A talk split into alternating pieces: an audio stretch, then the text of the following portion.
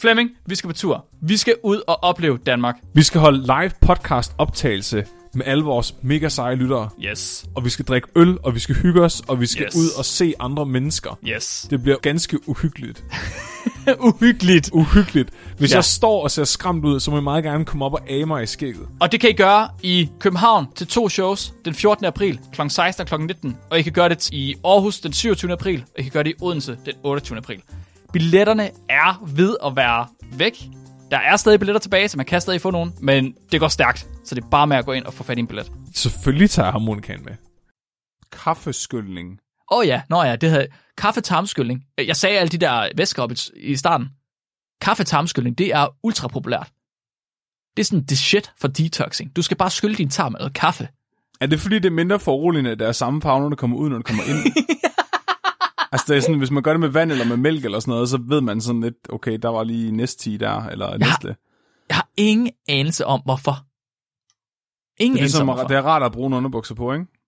De bruger, når du tager dem på, og de bruger, når du tager dem af. Vi bringer en advarsel. Den følgende podcast handler om vanvittig videnskab. Al forskningen, der præsenteres, er 100% ægte og udført af professionelle. Mark og Flemming står ikke til ansvar for eventuelle misforståelser, men minder jeg om, at de altid har ret. Husk at være dumme.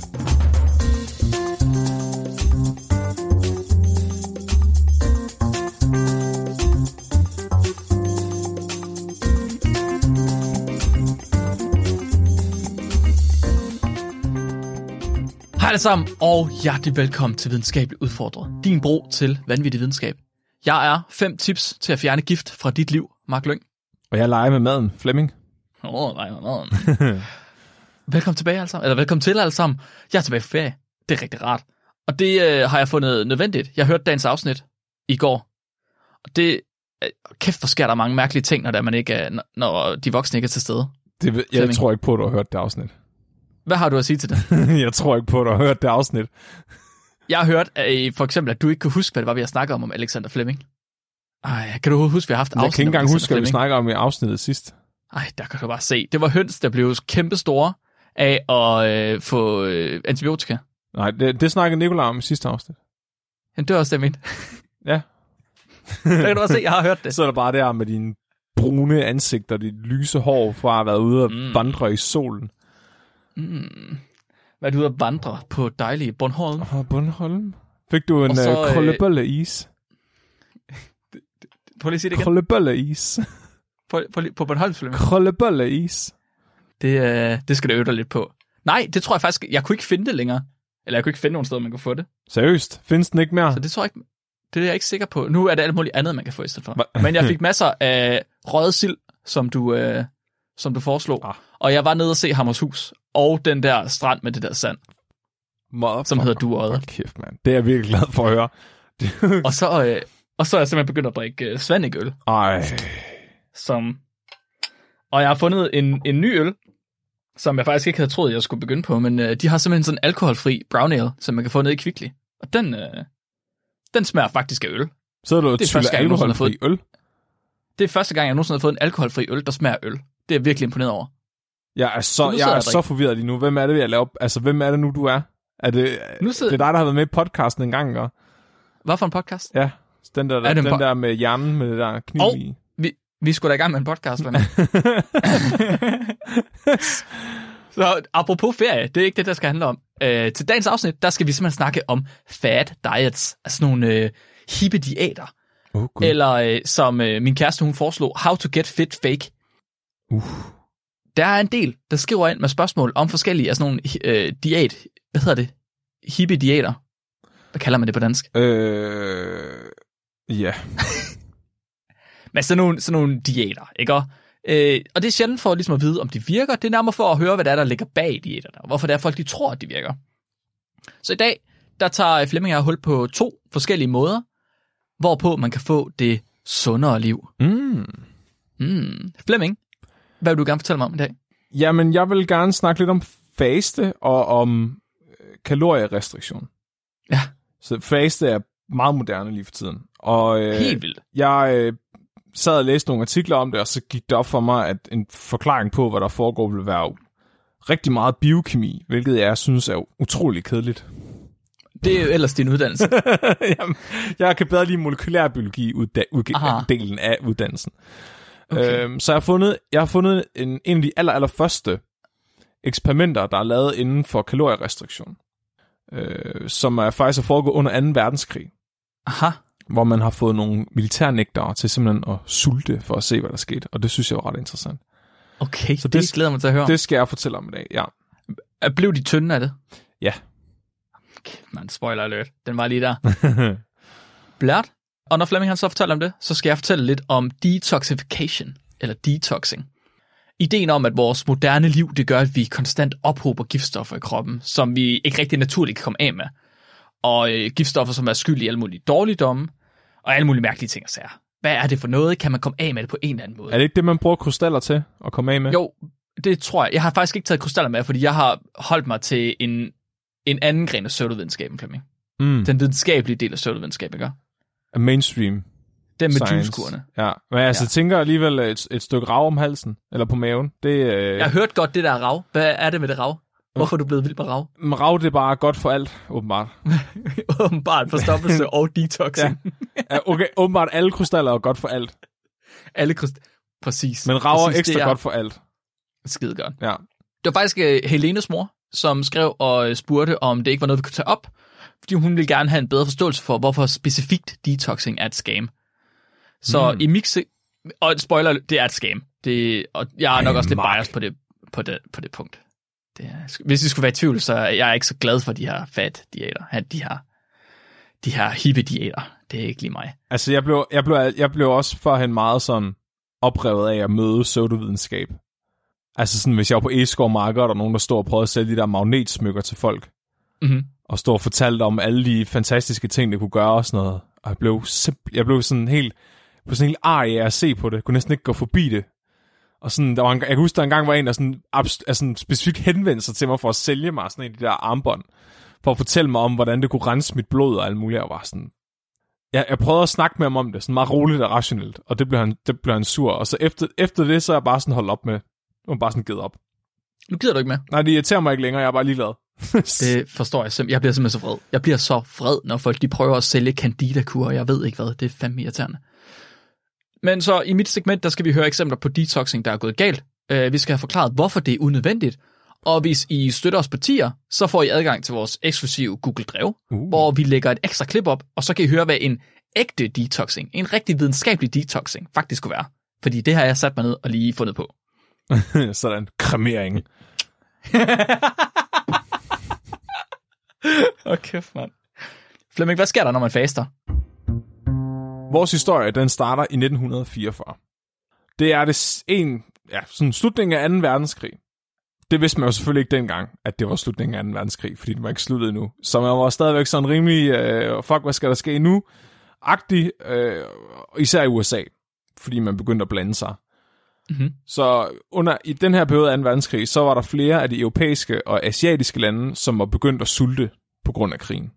Fordi mm-hmm. at alle ressourcer var blevet brugt til krigen, og fordi folk havde mistet deres mad i øh, altså bumpninger og brænde og alle mulige ting. Så folk var begyndt at sulte. Og man var interesseret i at undersøge, hvad det ville betyde, at folk begyndte at sulte. Hvilke konsekvenser har det for mennesket at sulte? Jeg synes, det er et problemstilling, der ved noget. Altså også et spørgsmål, som der virkelig bare ikke er noget svar på. Det er ikke noget, vi har oplevet tidligere. Nej, Det der sult der. Hvor kommer det fra? men Hvad det, sker der ligesom? Men det er, øhm, det er en af de ting, jeg synes, der er fedt ved, ved de her øh, videnskabshistorie-ting. Det er, at man vidste bare ikke en skid. Sådan, altså sådan, det, man, havde ikke, man havde ikke evidens for noget næsten. Altså det var virkelig bare sådan noget personlige oplevelser. Så nogen, der besluttede sig for, sådan, hvad sker der, hvis vi systematisk undersøger det her i nogle mennesker? Hvad sker der, hvis vi systematisk sulter nogle folk? Ja, det er rigtigt. Vi finder selvfølgelig også stadig masser af eksempler på det, hvor vi er sådan lidt, det havde du ikke behøvet at studere. Vi vidste det godt. Sådan, hvad sker der, hvis du banker en hund i hovedet med en sko? Det, det, vi ved det godt. Hvis du banker længe nok, så, skal, så ved vi godt, hvad der sker. vi ved også godt, hvad der sker, hvis du holder op med at spise. Det, Men det, det er rigtigt, det er ikke noget, man ligesom har undersøgt. det var ligesom dem der, der øh, en af vores gamle afsnit, hvor man, øh, hvor man prøvede at finde ud af, om skæggegamer de drømmede, når de sov. Mm. Mm-hmm. Så skulle man først bevise, at skæggegamer de sov, når de havde lukket øjnene. Ja, præcis. Ja, ja, ja selvfølgelig. Altså, du er, nødt, du er nødt til at have data på det, at ellers så er det jo bare en påstand. Du skal have en, en kilde, i hvert fald en reference en eller anden. Ja, det er rigtigt. Ja, lige præcis. Og det, og det her, det er så, hvad kan man sige, den OG-reference. Det her, det er den, sådan, den, den forskning, som al forskning i kalorierestriktion og faste står ovenpå. Åh, det er sejt. Ja, og det er derfor, jeg synes, den var fed at have. Ja, ja, ja. Så øh, psykologen Ansel Keys, han var dengang en af de førende eksperter inden for ernæring. Og han var også ansvarlig for at, øh, at lave, altså udarbejde de her madrationer, som skulle gives til soldaterne. Altså at sammensætte dem, så de fik sådan mest muligt ud af mindst muligt. Mhm. Han havde en pissegod idé til at undersøge det her sult her. Hvad sker der, hvis man sulter folk? Så øh, ja. han kom med et forsøgsopstilling til den amerikanske her. Jeg vil gerne undersøge, hvad der sker, øh, når man sulter folk. Min idé er at sulte nogle folk. Og se, hvad der sker.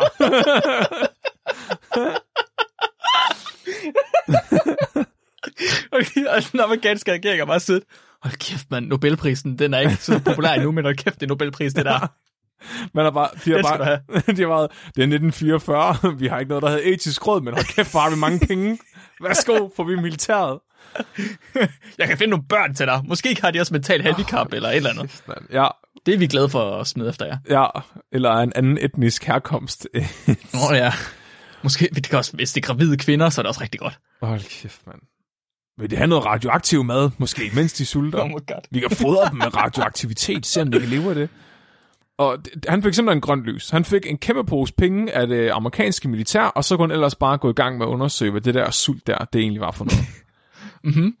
Og altså, det skal man ikke kæmpe sig af, Mark. Man skal ikke grine sult. Altså, vikingernes mm-hmm. udgave af helvede, det var jo at, at komme ned et sted, hvor du blev sulten. Ja, selvfølgelig. Og, satan. og, hvor maden blev til aske på din gaffel. og, og Vikinger, himmel, de havde fat i det rigtige. ja, men deres himmel var så også blevet stået 11 eneste dag, så. Men også at spise af en gris, der ligesom kom tilbage hver eneste dag. Uendelig grisekød og uendelig, Uendelig død. svinekød. Ja, Præcis. Så der var simpelthen 400 mænd, der meldte sig frivilligt til det her. Du, du er simpelthen nødt til at stoppe. Du kan ikke komme med de her frivillige mennesker mere. Jo, Der er ikke, jeg tror ikke på, at de er frivillige. absolut frivillige, Mark. Det kan ikke være frivillighed. Absolut frivillige. 400 mennesker. Ja. Så øh, det, du skal tage højde for her, det er, at året det er 1944. USA er gået ind i 2. verdenskrig. Der er næsten ikke nogen unge, sunde, velfungerende mænd, som ikke er i krig. Hvad er det for nogle mænd, der er tilbage? De gamle, usunde. Nej, nej, de, okay, så hvad er det for nogle unge, sunde mænd, der, der er tilbage? tilbage? Øh, er det, er det trickspørgsmål? De er fattige? Jeg ved det ikke. Det Hvem? er militærnægterne. Nå, selvfølgelig. Ja, selvfølgelig. hold kæft, mand. Selvfølgelig. Det var simpelthen øh, mænd, der nægtede at, gå, at slå ihjel, simpelthen, af religiøse mm-hmm. eller af etiske årsager. Mm-hmm. Og de her militærnægtere, de skulle selvfølgelig ikke snydes for lidt livsfar. så, Nej, det er klart. så de Og de kunne, havde ikke med sendusgas tilbage. Nej, lige præcis. Så, så de kunne få lov til at indgå i nogle af de her eksperimenter frivilligt. Okay. Og mange af de her eksperimenter, som vi tidligere har talt om, de var meget værre end krigen selv. Og det her, ja. det er muligvis ikke en undtagelse. Så først så blev de screenet endnu en gang for deres fysiske og psykiske sundhed, som de højst sandsynligt også var blevet til øh, ved værnepligten. Eller sessionen, undskyld. Der blev her især taget højde for deres psykiske styrke og deres dedikation til menneskeheden. Mm-hmm. Ud af de 400 unge mænd blev 36 udvalgt. Det er så her Minnesota sulte-eksperimentet, det starter. Fordi de her 36 mænd, de flytter ind under Minnesotas universitet, hvor de bor sammen under jorden, i øh, en form for øh, lejerskole, hvor de alle sammen sover sammen, sammen med, altså op, op, lagt op mod det laboratorie, hvor de blev undersøgt i. Okay, så ikke nok med, at de var med i et eksperiment, hvor de skulle faste. Så blev de også isoleret i et rum kun med andre mænd, hvor de så skulle være Ja. på lejerskole. Ja, præcis. Altså, Hvis, hvis jeg skulle vælge, så ville jeg hellere faste, end være på lejerskole. Flemming, jeg siger det bare. det kommer an på, om min matematiklærer han skulle med igen. Nej, nu nej. så, ej, men, okay, så det lyder måske værre, end det er. Så de var ikke fanger i det her område. Så de blev for eksempel opfordret til at tage et deltidsarbejde på universitetet. Okay. Og de skulle også gå øh, nogle af 30 km om ugen. Og der måtte de gerne gå uden for campus. Så de, de kom ud af den her undergrundsbunker. Men, men, Okay, de, okay, men, trods men alt. de, de, havde, de havde deres hjem i det område Ja, i den ja. periode, ikke? Når de ikke var ude at gå de der ture, eller når de ikke var på arbejde, så blev de konstant overvåget af laboratoriepersonalet. Og øh, alting blev målt, alt hvad der kom ind, alt hvad der kom ud, hvordan deres krop havde det, kropstemperatur, de blev røntgenstrålet, alle mulige spændende ting. De blev også bedt om at føre dagbog, så de ligesom hver dag skulle forholde sig til, hvordan de havde det, og så skrive det ned. Så fik de den her særlige diæt, som var tilrettelagt af Keys. Og øh, reglerne omkring spisning var, at de ikke måtte spise noget andet end det Keys gav dem, under nogen omstændigheder. Og han observerede dem spise alle deres måltider, så han var sikker på, at de ikke snød og gav mad til hinanden, for eksempel. Altså personligt, eller gennem et vindue, eller med kamera, eller... Han sad personligt og spiste alle måltider sammen med dem. Åh, oh, undskyld, han sad og spiste måltider med dem? Eller, okay, nu skal jeg lige... Jeg ved ikke, om de detaljer de er med, men det er fandme ikke i orden, hvis han har siddet ved siden af dem og spist land overdået et måltid med en hel kalkun, mens de har været sådan lidt, vi har fået tre kiks og et æble. Jeg vil sige, okay, så man, altså, det fremgår, at de spiste i, øhm, i øh, spisesalen på universitetet. Så de har siddet sammen alle sammen i den her spisesal, hvor Keys også har siddet sammen med dem. Okay, ja. Måden måltiderne senere i øh, eksperimentet bliver beskrevet på, for mig til at tænke, at han ikke har spist noget foran dem. Okay, okay, okay. Ja, ja, ja. Øh, en af de ting, der faktisk var ved det, det var, at de, de spiste frokost samtidig med fodboldholdet på universitetet. Og da rektoren fandt ud af, at der var militærnægtere, der sad og spiste mad sammen med hans fodboldspillere, så sørgede han for, at fodboldspillerne de spiste mad på et andet tidspunkt. Nå, Fordi han Nå. ville, ikke have, han ville ikke have, at de skulle omgås militærnægtere. De var ikke særlig patriotiske. ej, hvor er det vanvittigt. Ja, det, ja, det er sindssygt. Det eneste undtagelse, der var til, hvad de fik ind i hovedet, det var, at de måtte tykke tyggegummi, og de måtte drikke sort kaffe. Okay. Ja, okay. Så, så langt, så godt. Så eksperimentet, det løb over i alt 13 måneder. De første tre måneder, det var opfedningsfasen. Her der fik de 3.200 kilokalorier om dagen. Og det, Det er er, det, det er mere, end en mand i den alder skal have at spise. Ja, ja. En mand i den alder, altså alt efter ens størrelse og sådan noget, ens vilde metabolisme, vil jeg sige mellem 2.000 og 2.400 kilokalorier om dagen. Mm-hmm. Hvis du er meget aktiv, er det selvfølgelig mere end det, men så er det sådan, ikke din vilde metabolisme, så er det fordi, du dyrker virkelig meget motion. Ja. Men, men de fik så 3.200 kilokalorier, og det var simpelthen for at sørge for, at de alle sammen ikke var under, altså at de alle sammen havde en sund fysik. Så at de, at de, at de var normalvægtige alle sammen. Fordi nogle af dem har højst sandsynligt været lidt tyndere end normalt, eller et eller andet. Fordi det var jo selvfølgelig også krigstid. Så de fik øh, almindelig kost. Almindelig kost i 1944, det var øh, salat, roast beef, lammekød og flødeis. Hold da op. Så Det, er, helt dårligt. Bortset fra salaten, øh, almindelig kost på Tåsinge i år 2021 Ja, også. Så efter de her tre måneder, hvor man har sørget for, at de alle sammen kommer op og veje noget, der er- vil være anset som en normal vægt, begynder de så faste-stadiet. Mm-hmm. Og faste-fasen af det her eksperiment var 6 måneder.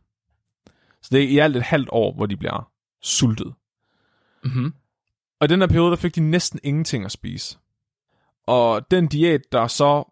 At den, okay, undskyld. Diæten her, den var så designet til at efterligne deres sultne, de sultne nationers mad. Så det vil sige, de europæiske og asiatiske lande, der lige nu sultede i, under krigen, de efterlignede ligesom det, de fik at spise, så de fik et tættere billede på, hvad der egentlig foregik der. Mm-hmm. Så det vil sige, det, den smule, de fik lov til at spise, det var kål, bønnesuppe og kartofler og andre sådan, altså små ting, Ja. kan man sige det på den måde. Så mad, der måske er næringsrigt, men ikke sådan er super mættende, eller øh, i særlig store mængder i hvert fald. Kål og kartofler er ret mættende. Ja, det er det faktisk. Men det man er højst sandsynligt blevet fejlernæret af det. Højst over længere tid i hvert fald. Altså, der er selvfølgelig er der proteiner i bønner, men alligevel ikke, måske ikke så meget som i en lammekøl. altså, der er jo protein i det hele. Det er et spørgsmål, om du får alle aminosyre. Ja. Så de starter alle sammen med at få det samme at spise. Men Ja. man, man måler jo alt, hvad der foregår i deres krop hele tiden. Altså efter bedste evner. Det var nogle af de altså, førende biokemikere på det her, det her tidspunkt, der var med til det her forsøg. Så de estimerede simpelthen, hvad, hvad den individuelle persons metabolisme og, øh, og øh, næringsbehov var. Og så skræddersyede de simpelthen den fastediæt, hver af dem fik til deres individuelle behov. Og okay. målet var så, at de i løbet af de her 6 måneder skulle tabe en fjerdedel af deres kropsvægt. Det var målet. De havde simpelthen mål med det. Ja, Eller det- var det en forventning? Det var, det var det, de kalibrerede maden efter. Okay, ja, så okay, det var okay. sådan, at de alle sammen blev, hvad kan man sige, sultet lige meget, fordi nogle af dem har jo haft brug for mere mad end andre. Det giver mening. Yes, det giver helt sikkert mening. Ja. I starten, der gik det her faktisk fint nok. Indtil det ikke gik fint nok mere. Ja. nå, nå, var det der, det gik galt? Det du ikke.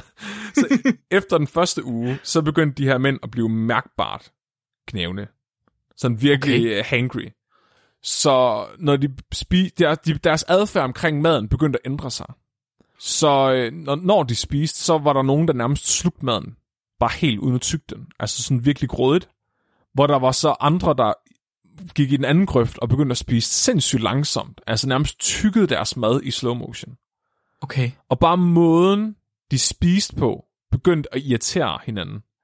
Ja, selvfølgelig. Altså, det var sådan virkelig, de gik sindssygt meget hinanden på nerverne, så de nærmest ikke engang sidde sammen og spise, fordi de blev så irriteret over, at der var nogen, der spiste langsomt. Og, ja. Det var det, jeg sagde med lejerskole. Det var det, jeg sagde, det bliver bare forfærdeligt. Altså, virke, altså, jeg håber ikke for dem, at der var en af dem, der fik deltidsjob i kantinen, fordi så havde det virkelig været slemt. Åh oh, ja, helt sikkert. Der var nogen, der begyndte at udnytte det her med, altså undtagelsesreglen med tykkegummi og kaffe rimelig meget. Så der var en af forsøgspersonerne, der begyndte at tykke 40 pakker tykkegummi om dagen. wow, det er virkelig meget. Ja, og der var en anden en, der bare begyndte at bælge sort kaffe, sådan konstant, for at, at stoppe sulten. Åh, oh, det lyder ikke rart. Indtil... Det er heller ikke sundt, kan jeg fortælle, i uh, min del af det, men det kommer vi til. Okay, indtil, ja, det endte i hvert fald med at, at, at, ændre reglen, så det hed ikke noget tyggegummi, ikke noget kaffe. Fordi det, oh. De, det, det tog så meget overhånd for dem. Okay. Efter den første, altså det var så efter den første uge, så i løbet af de her seks måneder, der bliver det så gradvist værre. Så deres adfærd, den bliver mere og mere, hvad kan man sige, bizarre. Okay. Nogle af dem begynder at lege med maden. Sådan ligesom børn, de leger med mudder, sådan beskriver kiste. Og andre, de, øh, de vågede ligesom over maden, som om den var guld. Altså, de blev sådan helt glupske, ligesom en hund, at der var ikke nogen andre, der skulle tage deres mad fra dem. Mm-hmm. Og så var nogen, der begyndte at behandle maden ligesom sådan et, et spædbarn. Altså sådan give det omsorg næsten. Sådan, du ved, What? virkelig. What? Øh, ja. En ting, at der gik meget igen blandt forsøgspersonerne, det var, at flere af dem, de begyndte at blande deres mad for, med vand, og simpelthen røre det sammen til sådan en grød masse. Så selv hvis at de fik sådan en blanding af kartofler og fisk og sådan noget, så ville de hælde vand i det, og så ville de bare mose det øh, og, og spise det. Og, og en af grundene til det, det var, at, at de blev, altså de fik en følelse af, at de spiste mere, når de blandede vand i, så fordi så bare havde det større volumen. En af forsøgspersonerne håndterede alt det her ekstra bizart.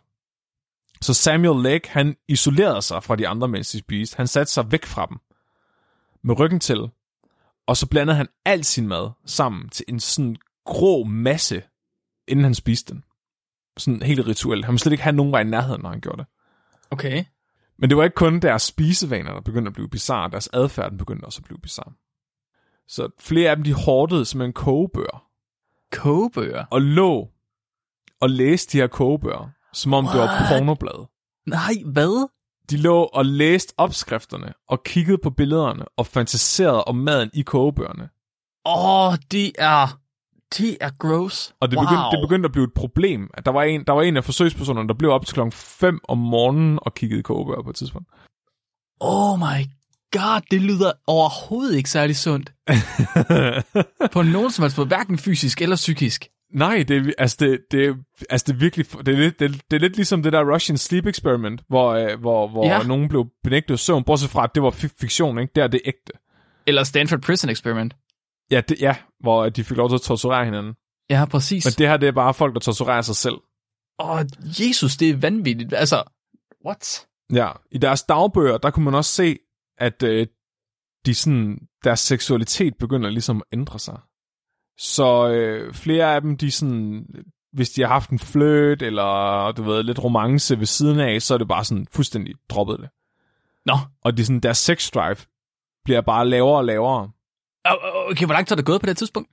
Det er nogle måneder inde i eksperimentet. Jeg forstår, okay, hvor meget har de sultet? Jeg har virkelig... Fordi... Det, kommer, det kommer vi til, Mark. Det kommer vi til. Jeg forstår ikke, jeg forstår ja. ikke det her. Det, der, der, der er der ingen mennesker i verden, der kan være i et samfund, hvis det her det er deres respons på sult. Men man ser jo, man ser jo også i efterkrigssituationer, at, at folk simpelthen tyr til kannibalisme. Så der var nogle europæiske lande efter 2. verdenskrig, som, altså, som først begyndte at spise deres altså sådan noget som bogbind og deres kæledyr, og alt hvad de kunne få fat i i huset, indtil de simpelthen begyndte at æde hinanden. Men jeg forstår det slet. Prøv at høre, 90% af menneskehedens tilstedeværelse på jordkloden har været under altså, sult, basically. Jeg forstår slet ikke, hvordan det her det kan være vores, vores, vores respons på det. Det lyder vanvittigt for mig. Men altså, man kan også sige, at det her, det er jo ekstremt. Altså, så det har jo været mildere sult måske på et andet tidspunkt. Sure, man, man, jeg, sure. jeg tror måske også en del af det der, hvis, hvis altså, vi jo for eksempel, gennemsnitshøjden er større end nogensinde før på noget tidspunkt i verdenshistorien. Så mm-hmm. jeg, Mhm. jeg tror, at, at vor, vores kroppe er bare større og mere energikrævende, fordi de har fået lov til at få al den energi, de kunne, mens vi vokset op. Så jeg, jeg tror som udgangspunkt, hvis at du vokser op i et samfund, og det er bare min, det er bare en af mine hjerneprøver der, at, at du så vil vokse op til simpelthen at blive mindre og have lavere energibehov. Okay, ja. Altså det, jeg, det tænker jeg Okay. bare. Jeg tænker, at en person i vikingetiden, der skal, altså deres gennemsnitshøjde var langt, langt lavere. Altså jeg tænker ikke, de har haft brug for lige så meget næring måske. Nej, det er ikke sikkert. Men jeg tror heller ikke, vi skal undervurdere, hvor meget, altså sådan, bare sådan noget som jæger samler, hvor mange kalorier de egentlig kunne hive sammen. Jamen det kan godt være, jeg tænker faktisk mere sådan nogle krigssituationer, fordi jeg synes, øh, når man hører om historier og om krigssituationer, så er der altid nogen, der lever i sult. Har de mennesker, der har levet i sult på det tidspunkt, har de alle sammen bare opført sig fuldstændig irrationelt og vanvittigt? Har de alle sammen siddet og spillet nag til kogebøger? Oh, det ved jeg. Altså den del hører man jo aldrig om. Det er som regel kannibalismen, der bliver talt mest om. Mm-hmm. Men altså, jeg har, altså mange af de her ting, synes jeg, jeg har stødt på før. Så for eksempel i Sverige, der havde man på et tidspunkt en konge, som var så dårlig, at den svenske økonomi bare crashede. Mhm. Og så begyndte alle at spise birkebark. Altså, de skrællede barken af birketræer og malede det til mel og spiste det. Og så blev han kaldt for birkekongen efter det. Okay, ja. Men, okay, jeg, men jeg ser det stadig som et forsøg på at lave mad. Altså, det er, det er et forsøg på at finde nye ingredienser der. Det er ikke sådan irrationel øhm, altså adfærd. Det er, ikke, det er ikke det der at sidde og læse til klokken 5 om natten. Jamen, det, er, Eller- det er en god Jeg pointe. skal ikke sige det. Jeg skal ikke kunne sige det, men det kan også være, at det er bare fordi, vi ikke, vi, jeg ikke ved noget om det. Altså, Men det, men, men, ikke- men, men ikke det, er klar og det er faktisk på en rigtig god pointe, fordi de er jo i en situation, hvor de mangler mad, mm-hmm. men de ikke har nogen mulighed for overhovedet at skaffe mere mad. Altså, I de har ikke ja. noget at bruge deres... Altså, de har ikke noget at sætte deres hjerner til. nej. De har ikke opgaven, der hedder at finde mad. Altså sådan Nej. tænke over, hvor finder jeg det næste mad. De, skal bare, de ved bare, at det er sådan her, det er, og det var seks måneder, og der er ikke noget, de kan gøre. Mm-hmm. Altså, så jeg tænker måske, de er blevet ekstra loko af deres tanker, som man bare kunne få lov til at drifte. Måske har det også noget at gøre med, at de konsekvent har fået den her meget svage kost, den her lave kost, og at folk i andre faste situationer, de ikke konsekvent har fået den. Så har de en gang imellem har de fået et stort måltid. I, I don't know.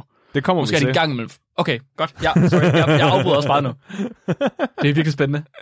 Det er mega spændende. Ja, jeg synes, det er sygt spændende. Okay, så de mistede deres sex drive, og begyndte at fantasere om mad i stedet for. Mm, det, altså, men jeg vil også sige, det kunne jeg også selv finde på. Ab, ja, det kender jeg godt. De, der var Så det simpelthen nogen, pizza. der skrev i deres dagbøger, at de vågnede op med våde drømme om mad. Så hvad Fuck, der før ville have været en våd drøm om sex, var en våd drøm om mad. Oh, what? Undskyld. Hvad? Ja, Hvad, har, hvad drømmer man? Ej, jeg vil ikke vide det. Jeg vil ikke vide det. Never mind. det ved jeg ikke, om det stod i dagbøgerne. Big bechamel sauce. Og en dårlig joke, sorry. Der var også andre, der øh, rapporterede, at de fik altså mareridt om kannibalisme. Okay. Og jeg tænker, det er dem, der har det rigtige overlevelsesinstinkt. Ja, Det, helt det er sikkert. dem, der overlever efterkrigssituationen, der begynder Det er at dem- kannibalisme. Det er dem, der har lyst til at spise andre mennesker, ikke dem, der har lyst til at bolle med maden. Ja, ja, dem, der boller en lavkage deres drømme, det er dem, der bliver spist af dem, der, der bader svigermor i drømmen. De begyndte også at gå i, altså de begyndte sådan at finde samtaler meningsløse. De mistede også deres humor, de forstod godt noget var sjovt, men de grinede bare ikke af det. Okay. Og de var sådan, de blev mobbet af nogen på campus, altså sådan, de var mobbeoffre, øh, og de var bare ligeglade. De var sådan apatiske. Det var sådan, fint, okay, skub mig, vær, like I give a fuck. Så det er bare sådan totalt zombieagtigt. Ja, og de mister lysten til at lave ting sammen, så de ville faktisk hellere gå i biografen alene, end de ville gå i biografen sammen. Men flere af dem fandt det så distraherende, hvis der var en rekvisit i baggrunden på filmen, der var med. At de kunne ikke følge med i handlingen i filmen, fordi de bare sad og fantaserede om det mad, der stod i baggrunden. What the fuck? Ja. Og nu er de seks måneder overstået, Mark. Okay. Halle fucking Luja, de klarede den. Ja. Nu kan de endelig begynde at få mad igen. I opfedningsfasen, der er efterfulgt. Okay. Og det er simpelthen en periode på 20 uger, hvor de bare får lov til at spise lige hvad de vil, så meget de vil, når de vil. Åh oh, nej, døde de alle sammen af forstoppelse så? De, okay, der var ikke nogen, der døde, Nå, okay, hvad betyder det? men de fik det meget, meget værre. Ikke kun fysisk, men psykisk. What? Hvad? Hvordan det? De blev endnu mere loko, end de var under faste-situationen. Fordi de kunne æde, hvad de ville?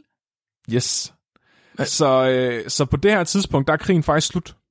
Mhm. Krigen er sluttet, mens øh, eksperimentet er stået på. Og der er 32 forsøgspersoner tilbage. Så fire af dem øh, var blevet smidt ud af eksperimentet af varierende årsager. En af dem, han, øh, han var blevet taget i at spise affald.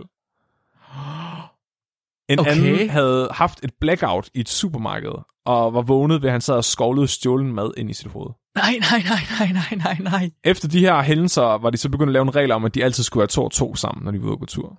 Ah, Handmaid's Tale. Ja. Lige præcis. Deres øh, depression blev til aggression. Og øh, det samme med irritation blev også til aggression. De begyndte simpelthen at, at reagere mod hinanden. De var ikke bare irriterede længere, de begyndte at blive aggressive over for hinanden. Okay. Og øh, de var stadigvæk lige så grådige med maden, selvom de kunne få alt, hvad de ville have. Altså selvom de fik mad nok, så slugte de den stadigvæk, og, og sådan, du ved, konkurrerede omkring maden, og prøvede at beskytte den fra hinanden og sådan noget. Og så var der så to af dem, der blev psykotiske. Den ene af dem troede med selvmord, og den anden, Samuel Leck, som vi talte om tidligere, ham der satte sig for sig selv under fase, ja. faseperioden, han huggede simpelthen tre af sine fingre af med en økse. Oh, what, what, what, what, what, what, what, what, what, Yes, what, what, what? yes, yes, yes. Hvorfor? Jeg var inde og finde et interview med ham, som er blevet taget 60 år efter forsøget, så i år 2004. Ja.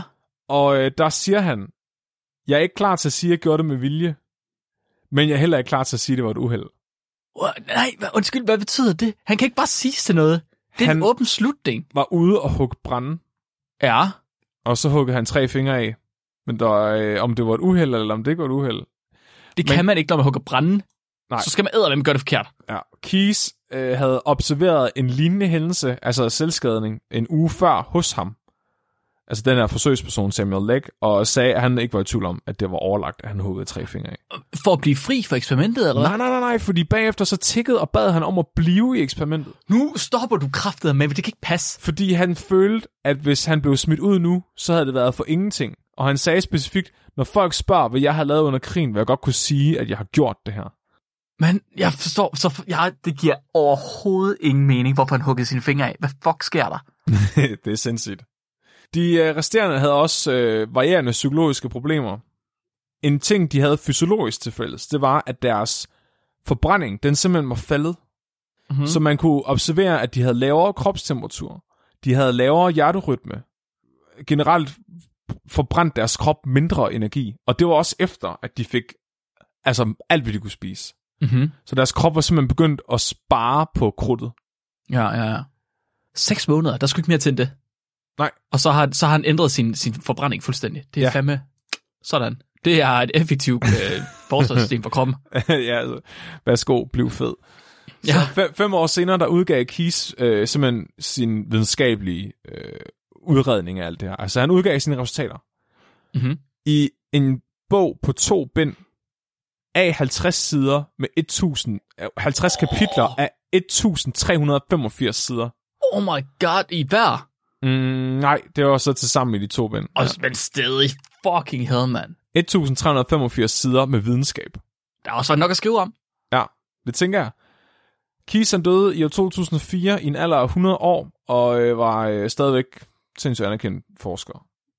Dem, der øh, deltog i eksperimentet, har man lavet opfølgningsforsøg på øh, i år 2002, og har fundet ud af, at de basically for evigt var fucked up i forhold til mad. Altså, så de, der var ingen af dem, der sådan nogensinde fik et naturligt forhold til mad igen. Og en af dem blev faktisk efter forsøget indlagt flere dage, fordi han simpelthen havde spist så meget, at han var ved at dø Åh, oh, hvor er det sindssygt. Men okay, okay, okay, jeg sidder sådan lige og tænker på. Man har altid fået at vide, så vores bedsteforældre for eksempel, og mega spar- besparende. Right? Og øh, man har ligesom sagt, at det var fordi, de var sådan nogle krigsbørn, eller efterkrigsbørn.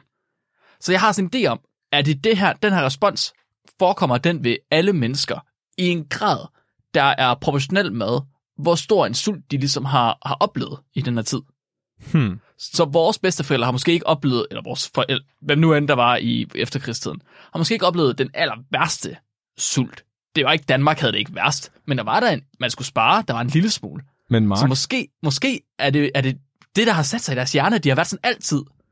altså, at de, at, de, at de æder meget, eller hvad? Nej, nej, nej, mere at de, så nogle af dine, dine mennesker blev apatiske og besparende med deres Ja. mad. Ja. Nå, på den måde. Det er jo ligesom, det, det er jo bedsteforældre i, i, i, Ja. ja. i, i en sætning, Ja. ja. basically. Jeg skraber Ikke lige mukken ikke apatisk. Ja, præcis, præcis. Det kan godt være, at jeg, jeg, jeg tør ikke sige det. Det kan godt være. Altså, jeg vil sige, der er en vigtig pointe i den her debat, vi mangler, Mark. Okay, The million dollar question. what is it? Hvor mange kalorier tror du, de fik at spise om dagen i fasteperioden? Ja, okay, jeg var faktisk ved at spørge dig lige før, men jeg tænkte nok, du ville komme med den senere. Jeg, har, Så jeg, du sagde, jeg vil gerne høre, hvad du, altså baseret på, hvad jeg har Ja. fortalt dig.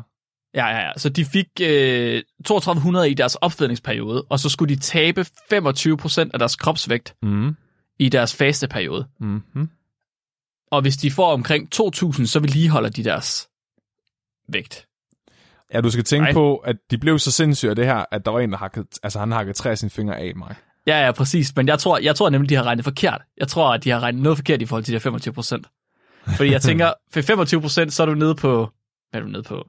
1500 kalorier eller sådan noget. Men jeg garanteret kunne give dem 700. Det var overraskende rigtigt, Mark. De fik 1570 kilokalorier om dagen. Er det rigtigt? Var det så meget alligevel? Ja, det var. Er det, hvad? Det passer ikke. De fik 1570 kilokalorier om dagen. Nej, så de havde faktisk også regnet rigtigt og givet dem det rigtige mængde. Oh yes, det var 1570, det er da ikke, det er da ikke lidt. det er, det er faktisk ret meget. Altså en, en, en kvinde, der er i overgangsalderen har en, en hvilemetabolisme på 1600 kilokalorier. Men, men hvordan kan de være blevet apatiske af at spise 1570 kilokalorier? Det er så sindssygt. Hvorfor blev de så sindssyge af det her eksperiment? Og fordi der er flere diæter i dag, altså skruet sammen af diætister, som foreslår, at du spiser 1200 kilokalorier om dagen for at tabe dig. Ja, præcis. Hold op med, I så, det det der, der kan du bare se, I skal ikke faste, I bliver fuldstændig vanvittige af det. I bliver gale af det. Lad være med at faste. Men det, altså, jeg har jo gjort det samme. Altså, jeg havde fire måneder, der var 16, hvor jeg spiste 14-1500 kilokalorier om dagen. Hvor mange fingre hugger du af? Jeg, jeg har ikke hugget nogen fingre af, men jeg, jeg tabte mig 24 kilo på fire måneder. Men jeg har Det kan, så... ikke være, det kan heller ikke være helt sundt. Det er meget Nej, hurtigt, er det ikke det? Jo, jeg mistede min galle, øh, gallebjergsvinger. Nå, det var derfor, der, det var der, det skete. Men jeg havde, jeg havde sygt svært ved at holde vægten efter det. Altså sådan, jeg, jeg spiste mindre end 2.000 kalorier om dagen, og jeg kunne, jeg kunne tage på alligevel, og jeg var sulten hele tiden. det er jo fordi, din krop den så har til, tilpasset sig den energimængde. Præcis. Ligesom du sagde, det gjorde med de der... Ja, Uh, ja, ja lige, jamen lige præcis. Altså, det er mega fucked. Jeg kan ikke anbefale det. Man kan sige, en, altså nu, vi kom ind på det tidligere, en af de ting, der har gjort, at de blev fucked op i hovedet, er, at de øh, var i en, en lejlighed uden vinduer. Nå, okay, ja. Men en anden ting er jo også, at det her, det var ikke overvægtige mennesker. Altså det her, det var jo folk, der havde en passende mængde fedt på deres krop, som så gik under Ja. det. Altså så deres, Mhm. mm-hmm. deres, måske deres sulte fasterespons været vildere eller anderledes, fordi de simpelthen måske er løbet tør for, altså for, for øh, hvad hedder det, kan fedt. måske- lagret Måske, energi. Måske kan det også have noget at gøre med det øh, næringsstof, de rent faktisk fik den, og så de fik med under fasten. Ja. Fordi hvis de kun har fået kål og kartofler, så har de fået stivelse, som kan nedbrydes til sukkermolekyler. De har også Right. fået fisk. De har også fået fisk. Ja. Okay, men jeg tænker, nu siger du selvfølgelig, at det er de bedste ernæringseksperter, der var på det tidspunkt. Men hvis ikke de får tilsat en, øh, en kost, hvor de får alle essentielle næringsstoffer, så er det Ja. jo mangel på et eller andet. Og det, hvis du er i mangel på et eller andet, så er der et eller andet i din krop, der ikke fungerer. Om det så er et signalvej, eller om det er hjernen, eller et eller andet. Ja. Måske har de bare haft en næringsstof, som de ikke kendte til, som de manglede, som var virkelig vigtigt for, at hjernen fungerede. Måske. Altså det er, det Et er også, det er også et godt bud. Ja. Altså, en af de ting, jeg har, jeg har bidt mærke i, som sådan er en, en af de ting, jeg synes, der er virkelig spændende i, i det her forskningsfelt i dag, Ja. det er, øhm, det er i forhold til ka- altså kalorierestriktion, hvor du spiser mindre, end du forbrænder for at tabe dig, Mm-hmm. versus du stopper bare med at spise. Altså, du spiser ingenting. Ja, ja, ja. For, hvad sker der i kroppen i forhold til de to stadier? Og det finder man ud af sygt meget om lige for tiden. Så jeg, altså, jeg har kigget nogle videnskabelige artikler igennem, øh, som ikke er fra 1944, men som er f- for nylig. Altså.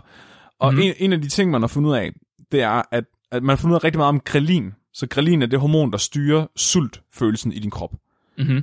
Det får din krop til at, øh, og, og altså, det inducerer sult, simpelthen. Du, Ja. du bliver, følelsen sult er induceret af grelin, og det er, altså, grelin får også din krop til at lære fedt, øh, hvis der er noget fedt i dit blod, for eksempel. Det Okay. bliver transporteret rundt i sådan nogle fedtbobler. Ja. Og det bliver udskilt både af tarmen og hjernen, ud i blodet, så det er lidt ligesom insulin. Insulin, der får din krop til at bruge sukker i stedet for fedt. Ja. Øh, det ja, gør det bare sulten. Så grelin har man fundet ud af, at det stiger under kalorierestriktion. Ja, for Men- at du bliver mere sulten selvfølgelig. Præcis. Men det stiger ikke under faste. Det falder under faste. Og hvor lang tid skal man faste, før det falder? Fordi øh, hvis du faster i meget kort tid, så er det vel kalorierestriktion. Ja, ikke kalorier, altså hvis du faster i 6 timer, så bliver du sulten. Ja, okay, så, Så det man, det, man, så det første studie, der har man målt grelinniveauerne i fasende personer over 33 timer. Okay. Og der kan man så se, at grelin det stiger der på de tidspunkter af dagen, hvor personerne normalt spiser. Ja, ja, ja. Så, så det, det, der, det, det der fuck, det er, at de, de tidspunkter på dagen, hvor du bliver sulten, det er der, din, vand, din krop er vant til dig mad. Mm-hmm. Så det vil sige, hvis du holder op med at spise morgenmad for eksempel i en periode, så vil du holde op med at blive sulten om morgenen. Ja. Men man kan også se, at, at den overordnede mængde af grelin, den faldt. Altså, altså mm. øh, de blev mindre, altså der blev udskilt mindre og mindre grelin, selvom der blev udskilt noget der, hvor de normalt ville spise. Yes, yes, yes, yes, det giver mening. Men man kunne se, at den faldt drastisk i forhold til dem, der spiste. Altså, så dem, der spiste, de udskilte bare mere grelin alligevel. Selv, altså, selvom du havde spist morgenmad, så når du nåede aftensmaden, så var du mere sulten, end den, der overhovedet ikke havde spist noget morgenmad. Ja, det, jeg, for mig giver det mening intuitivt, fordi at du ligesom ved, vedligeholder det her respons. Du giver, øhm, du giver selv responsen til, eller du giver selv svaret på det respons, jeg ved ikke, hvad det hedder.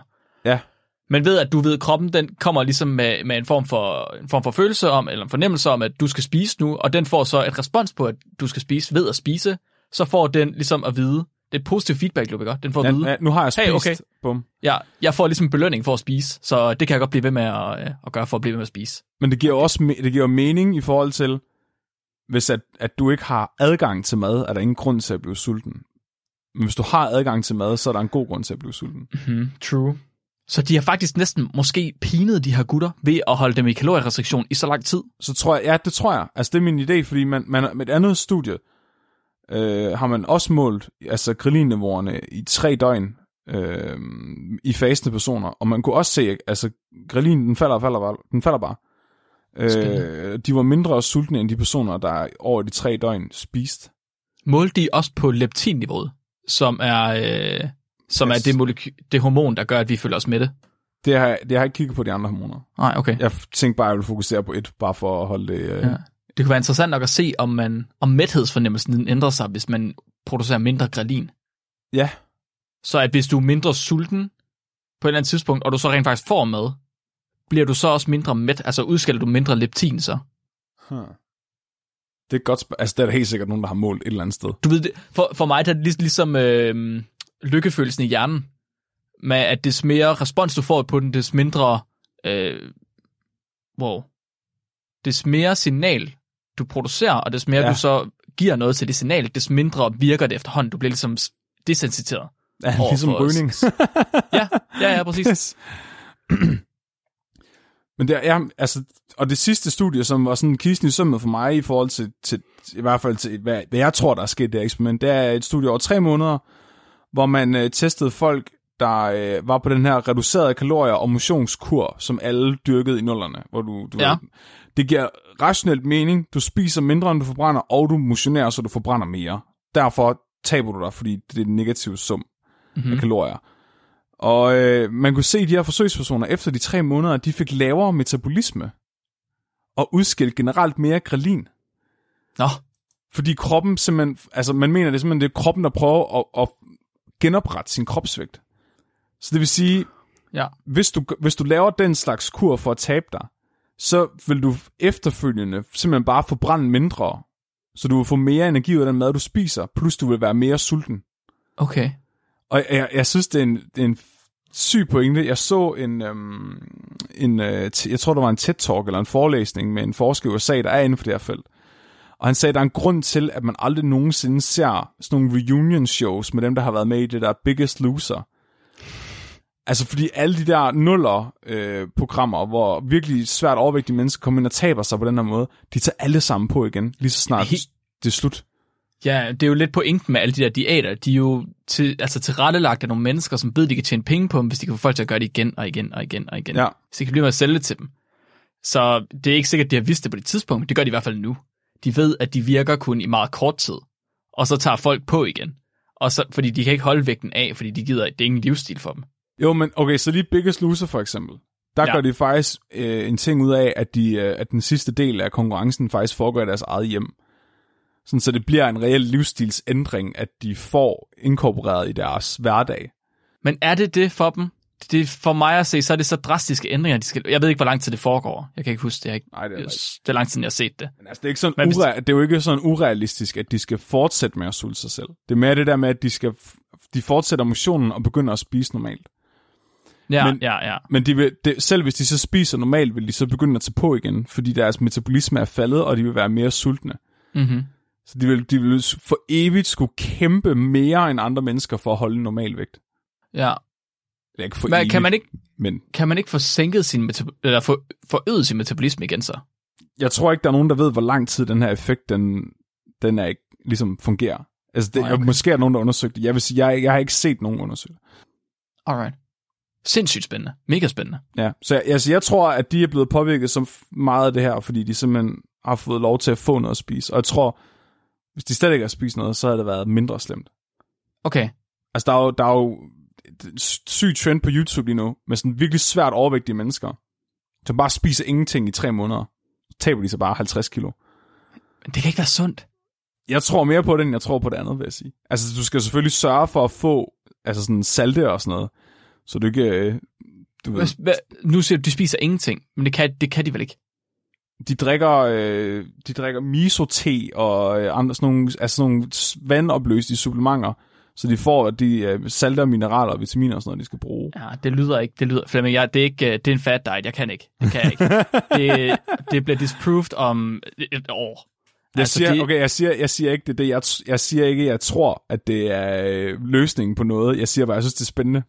Og jeg, Det er siger, spændende. Jeg, og jeg tror mere på det, end jeg tror på kalorierestriktion. Ja. Altså kalorierestriktion som værende det eneste, man gør for at tabe sig. Jeg ved til, ikke. vægt, ja, til vægttab, ja. Ja, præcis. Ja, okay. Hvad, hvad er, okay, så efter alt det her, hvor står du hen i forhold til faste? Ikke faste imod kalorierestriktion. Hvor står du hen i forhold til at bruge faste som en vægttabsløsning? Jeg tror, at øh, jeg tror ikke faste faste er nogen god idé over længere tidsperioder. Hvad med de der mennesker, der faster en dag om ugen? Altså det tænker jeg, en eller to dage om ugen, det tænker jeg egentlig, altså sådan rationelt, hvad jeg tænker, og så tænker det giver mening, fordi du kommer ned i ketonstofskiftet. Ja, men det, den er heller ikke, den er heller ikke med. Også keto-diæten og sådan noget, alt det der. Det er alt sammen en måde at tjene penge på. Jeg tror, grund til, at der er så mange diabetikere i dag, det er fordi folk, de altid kører på insulin på en eller anden måde, og de aldrig kommer helt ned og bruger deres glykogendepoter op og kommer over i, i ketonstofskiftet. Jeg kan godt mærke, at vi ikke helt er på samme niveau på det her. Eller ikke helt på samme, øh, samme linje. Kan jeg godt mærke. Flemming, i sommeren i år 2016, der blev en 47-årig kvinde indlagt på skadestuen i Milton Keynes Hospital i England. Hun var konfus, og hun havde øh, spastisk anfald, der resulterede i, at hun kollapsede på gulvet og lå og, og havde basic epilepsi. Hun, øh, hun, hun lå der og var inde, hun blev taget ind på hospitalet, og hendes tænder blev ved med at blive, altså, bare bidt sammen, og hun stod og, og, og, og hvad hedder det, knæde tænder. Øhm, og så, og, så, ja, hun havde sambidt tænder, ja, og så øhm, blev hun ligesom intuberet, hun var ikke til at komme i kontakt med, hun blev intuberet og ventileret af lægerne, for at de kunne udføre en CT-scanning af hendes hoved. Efter, når det ligesom er gået i gang med det her, så spørger de familien til, hvad der er med hende her damen her. Øhm, og hendes familie siger, at hun tager ikke noget medicin. Hun er ikke kendt for at have et regelmæssigt brug af stoffer. Og så en blodprøve, som de får tilbage lidt senere, den viser hendes natriumniveau i blodet. Det var meget lavt. Hendes, det var på 104 millimolær, og det skal normalt være på 135 til 145. Så, Det var så lavt fa- var det heller ikke.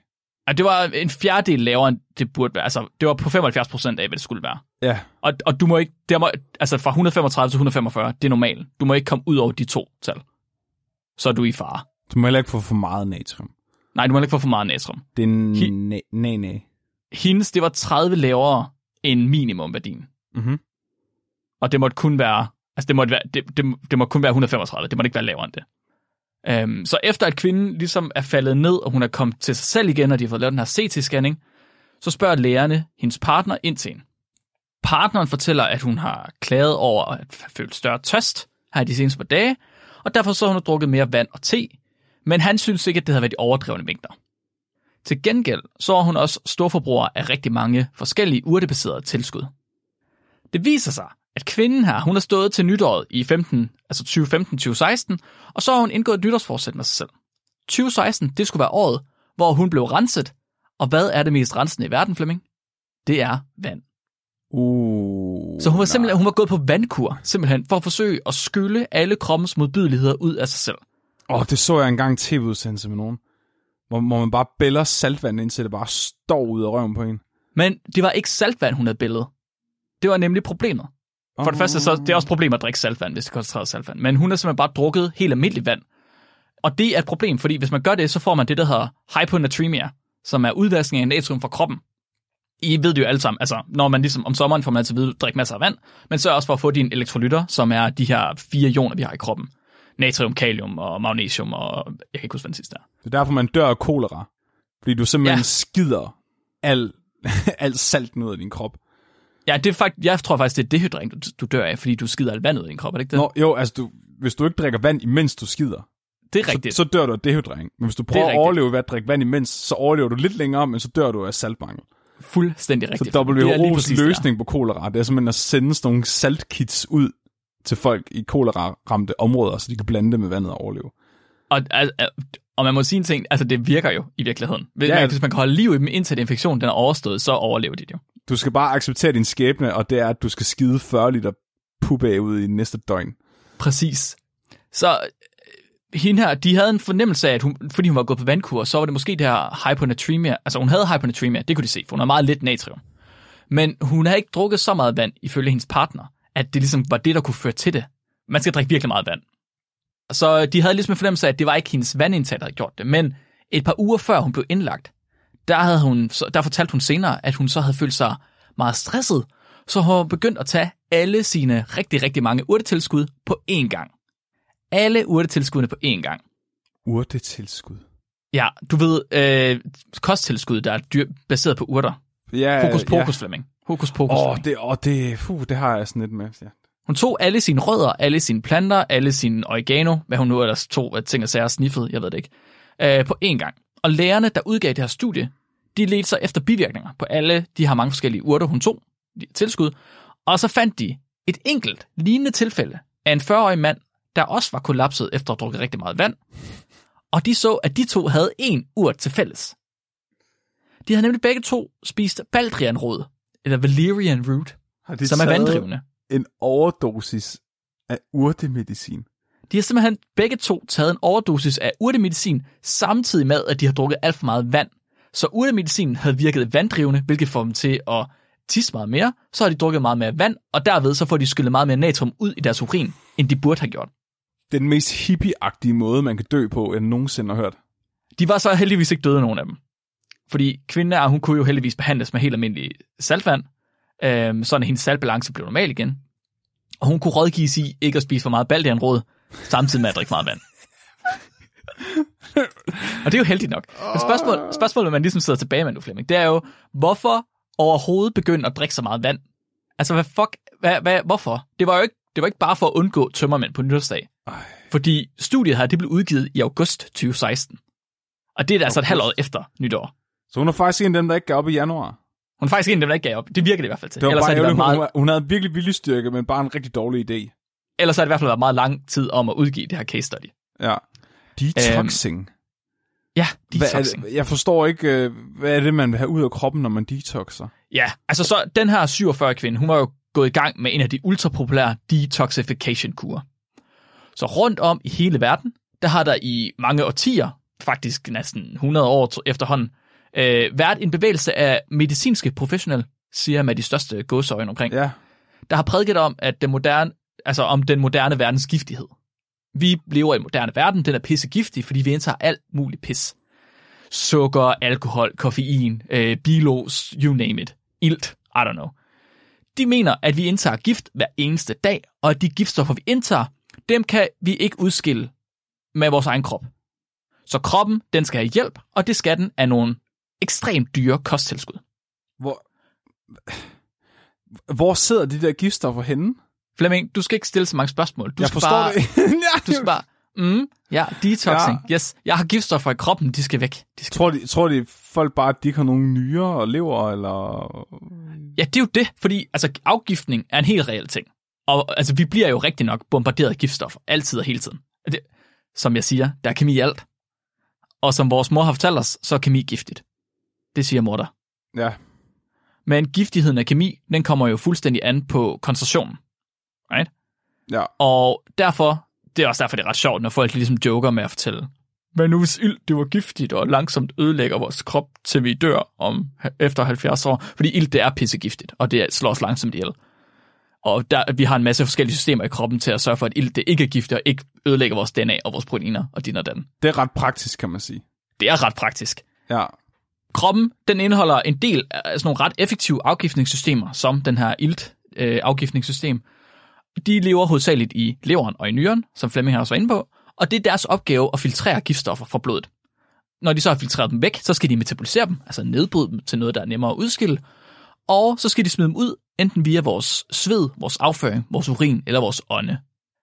En afgiftning, en detoxing, den er nødvendig, når vores almindelige systemer bliver overvældet. Altså når koncentrationen af giftstof, og igen alt er et giftstof, den bliver for højt, og de begynder at ophobe sig og tilstoppe de filtre, vi har i kroppen. Eller endda ophobe sig andre steder i kroppen, hvor de kan gøre skade. Og når jeg siger det her, så men, altså, tænk for eksempel på Roskilde. Flemming, jeg ved ikke, om du nogensinde er på Roskilde. En eller anden drukdag, ja, hvor du har brugt øh, det meste, du står op kl. 8 om morgenen, du har brugt det meste af dagen på at blive level 20 i Troldmand, druklejen. Kender Ja. du den? ja. Ja, Der præcis. var aldrig nogen, der ville lege den med mig. Ej, den er fandme ellers sjov. Jeg kan godt ja. lege den med en dag. Du er blevet level 20 i Troldmand, og øh, hvis nogen ikke ved det, så har Flemming drukket 20 dåsebajer i hak. Og så får du den geniale idé bagefter at bunde 70 cl dårlig gin, fordi at du skal udvikle dig til et græntræ, som er næste level. er det det næste level efter Troldmand? Nej, det ved jeg ikke noget. Det var noget, fandt på. Det kunne Nå. være virkelig sjovt. Ja. Hvis man gør det, så ryger man til udpumpning. Det skal der faktisk ikke være nogen som helst tvivl om. Fordi leveren den kan ikke nå at nedbryde så høj en koncentration af etanol, og derfor så render det i stedet til hjernen, hvor det så begynder at udfordre den her elektriske fedtklump, vi har oppe i hovedet, med, med, at være fedtopløsende. Sådan oplyser det bare. Det er noget Okay, pis. så, så det, det er sådan stadiet fra, okay, min hjerne er opløst nok til at det sjovt, til min hjerne er opløst nok til, at jeg dør. Præcis. Og vi skal gerne undgå, at du når hen til det punkt, så derfor så pumper vi alt det etanol, du har i maven, ud af maven. Mm. Og det er basically den eneste ægte form for afgiftning, vi har, som ikke er kroppens egen afgiftning. Oh, det, jeg synes også, øh, den er værd at nævne, hvis du drikker træs, jeg hedder træsprit. Metanol. metanol. Ja. Du drikker metanol, som er det, øh, man altid spørger med, at hjemmebryg er fyldt med. Fordi hvis du destillerer noget alkohol forkert, så får du ophobning af metanol. Mm-hmm. Det er det, hvis du drikker det, kan du blive blind af det eller dø. Ja. Øh, hvis, hvis man har fået sådan en metanolforgiftning, så er måden, man stopper det på, det er simpelthen ved at pumpe ren alkohol ind i dit blod. Ja, det har jeg godt hørt om. Bare den sygeste brænder, du nogensinde kan få, fordi leveren vil få, øh, nedbryde alkoholen før træspritten. Så din lever bliver, den får så travlt med alt alkohol, der er pumpet ind i isen, at, at du simpelthen ikke når at nedbryde det der med øh, træsprit, før det forsvinder af sig selv. Det er fuldstændig vanvittigt. Jeg synes, det er poetisk på en eller anden måde. Det er fordi, når det bliver nedbrudt, så bliver det giftigt. Præcis. Og altså, Det- det, er jo, det er jo fornuftigt, enten afgiftninger eller modgifte, egentlig, som det Flemming han siger. Men det er jo ikke de detox-kurer, man ser ude omkring i verden. Og det var ikke de detox-kurer, som hende der er en 47 kvinde var på. Så lad os tage nogle eksempler på de her detox-kurer. Vi har allerede hørt om vandkuren. Det er måske den mest simple, jeg har fundet. Og det virker ikke umiddelbart som om, at man tjener penge på noget ved at anbefale vandkuren til folk. Og jeg kan fortælle jer med det samme, det er det, som er hele pointen med de her detoxing, det er at tjene penge. Det er det, man vil med dem. Hvad med vandværkerne? Ja, jo, true. Så det kan være, at de gik efter uh, detoxing, I don't know. Ja. Og det er ret usædvanligt, at den her kur, den, ligesom, den ikke tjener penge på nogen, fordi det, det, det, det er det, de skal. De er kun sat i verden for at tjene penge. Så en lidt mere fantasifuld kur, hvor jeg kan fortælle jer, at man tjener nogle penge, det er sådan nogle kurer med forskellige væsker. Drikke, urter, tilskud, hvor du skal stoppe med at spise. Du skal faktisk faste i stedet for. Og så i stedet for at spise mad, almindelig madvarer, så skal du drikke de produkter, du har købt af din yndlingsalternativ apoteker. Jeg lavede en hurtig Google-søgning Og jeg så, som det allerførste på Google, at du kan købe en 5-dages juicekur med en daglig suppe på sommertilbud til 1400 kroner på livingsuperfood.dk. Åh, oh, det er bare nogen, der har stået skidt ned i sådan en dunk og blandet op med vand. Jeg tænker, åh. Oh. Totalt set, så får man 11 liter juice og suppe med i den her pakke her, og så får man selvfølgelig også 315 ml ingefær shot. Fordi ingefær, det er jo en superfood, Flemming. Det kan du godt se. Igen, abs penge. Det er en literpris på 128 kroner for juice og grøntsagssuppe. Og det værste er, Flemming, der er ikke andet i den her juice end grøntsager, frugt og krydderier. Okay, men der får du i det mindste... Okay, du betaler for meget for et produkt, men du får et produkt. Altså, det er ikke ligesom Ja. homeopati. Okay, ja, nej, men der findes også homeopatiske detoxingkur. Åh, oh, nej. Okay, Jamen, så, vi kommer omkring al alternativ medicin til detoxing. Al alternativ medicin siger, at det kan detoxe på en eller anden måde. kommer vi, hvornår kommer vi til homeopati nu, eller hvad? Uh, nej, du må gerne, du må gerne tage den. Jamen, jeg, jeg, jeg, sad bare, jeg har bare tit tænkt på, altså, altså okay, så til folk derude, homeopati, det er ideen om, jo mere du fortynder et lægemiddel, des mere kraftigt bliver det. Mm-hmm. Og ideen er, at folk tror, at vand har hukommelse, Mhm. og kan huske, at det har været i kontakt med lægemidlet. Og at vand, der har været i kontakt med lægemidlet, er mere helende end lægemidlet selv. Så jo mere du fortynder et lægemiddel, des kraftigere bliver det. Så den gyldne standard for, hvor god noget homøopati er, det er, hvor meget det er fortyndet. Og nogle af de sådan, kvalitets-homøopatiske produkter, der findes, de er fortyndet så meget, at hvis du lavede en, en cirkel, eller en, en sfære, der startede fra, hvor jeg sidder nu, og ud til den første ring af Saturn, vil du have et enkelt atom, eller et enkelt molekyle fra, fra lægemidlet tilbage. Det giver overhovedet ingen mening. På ingen Og- måde. Har- men jeg har tit tænkt på, Mark, Ja. Altså, hvis vi to bare bliver trætte af alting, og gerne vil lave en Breaking Bad, uden at komme rigtig i fare, så skal vi bare starte vores eget homeopatifirma, og så bare... Fordi vi, vi kan jo skrive sådan noget øh, nonsense science, der lyder rigtigt, på bagsiden af flaskerne. Og, og jeg tænkte faktisk på det samme, da jeg læste her, fordi lige om lidt, så kommer vi til nogle andre af de her detoxingkurer, som er, at dem, der har fundet på det, har været geniale kemikere i virkeligheden. de gad bare ikke arbejde. Præ- præcis, de vil bare tjene penge på det i stedet for. Men det er også en måde, fordi så kan man sige, så længe man ikke lover, at man kurerer et eller andet dødeligt, så er man safe. Ja. Men, og, og jeg tænker, Mark, altså du bliver så irriteret på de her mennesker. Ja. Vil du ikke gerne tjene penge på dem? Nå, nej, men jeg bliver ikke irriteret på dem, der ligesom, dem der, du ved, tager medicamenter, eller tager tilskuddene. Der kan være alle mulige mærkelige grunde til det. Det kan være, du ved, ud af desperation, eller det kan være et, et svimmel. Altså, det er jo et scam. Alle kan blive skammet. Der er ikke noget, det er jo ikke, jeg synes nærmere, det, det er synd for personen at blive skammet, end det er deres skyld. Jeg vil hellere, dem der ligesom laver de her produkter, det er dem, der er de fucking, altså det er dem, der er fjenderne. Mm. Det er dem, der laver produkterne og sælger dem til folk, som bruger deres hårdt tjente penge på de her produkter her. Dem, der køber produkterne, kan gøre det af alle mulige mærkelige grunde, og der er sgu ikke noget forkert i at gøre det. Man, vi kan alle sammen blive snydt. Altså, jeg kan jo sgu også læse noget af det her mumbo jumbo science, og så være sådan lidt, wow, okay, hvad, hvad, så hvad betyder det? okay, Mark, fint nok. Så skal vi jo ikke være millionær i dag. Det er i orden. Ja, men altså, man kan jo også godt break bad alligevel, Flemming. Jeg siger det bare. Okay, jamen, det er fint. Så man spørger sig selv, øh, når man har købt juice til 127, 128 kroner literen, på, når det er på tilbud, hvad kan det så? Hvad er, hvad er det, det mening, det skal gøre? Flemming, hvad er det, det skal gøre? Og så, så sidder man og hører du overhovedet ikke efter. Det skal, Det skal lave et kæmpestort hul i min nyre, så, så alt skidet kan komme ud. Ja, det ødelægger bare filteret. det er Ja. så filteret i stykker. Ja. Det er det, det gør. Det, de har intet svar på, hvad det gør. Det filtrerer toksiner fra kroppen. Hvordan? Ja, men Flemming, hører du ikke efter? Det to- filtrerer toksiner fra kroppen. Hvorfor? Men Flemming, hører du ikke efter? Det filtrerer toksiner fra kroppen. Nu skal du Men holde op med at stille ved alle de de der... det? Har de målt det? Nu skal, du holde op med at, nu skal du holde op med at stille så mange spørgsmål, Flemming. Er det overhovedet nødvendigt at måle? Det tror jeg nok ikke. Skal man have en kontrolgruppe? Jeg ved ikke, hvad kontrol betyder. Hvorfor er der aldrig nogen, der stiller kritiske spørgsmål, inden de køber de her produkter? Det er et godt spørgsmål. Jeg skal ikke kunne sige det. Nogen gør måske også, og så får de... Igen, det kommer an på produktet, vil jeg sige. Lige juicekur har jeg ikke meget til års for. Men okay, Man kan også- Det, jeg der kender det find- godt der- selv. Altså, hvis en påstand står på et stykke papir, med sådan en, en skrifttype, der ikke er Comic Sans, med korrekt tegnsætning, så, så tror jeg på det. Jamen, der kan du bare se.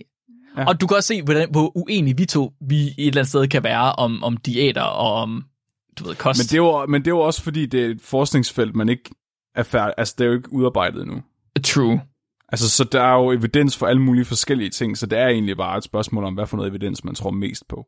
Det er virkelig svært at finde rundt i. Men for mig der er det værste det der med, at det skifter hele tiden. Men det synes jeg mest er på grund af de her dille-diæter.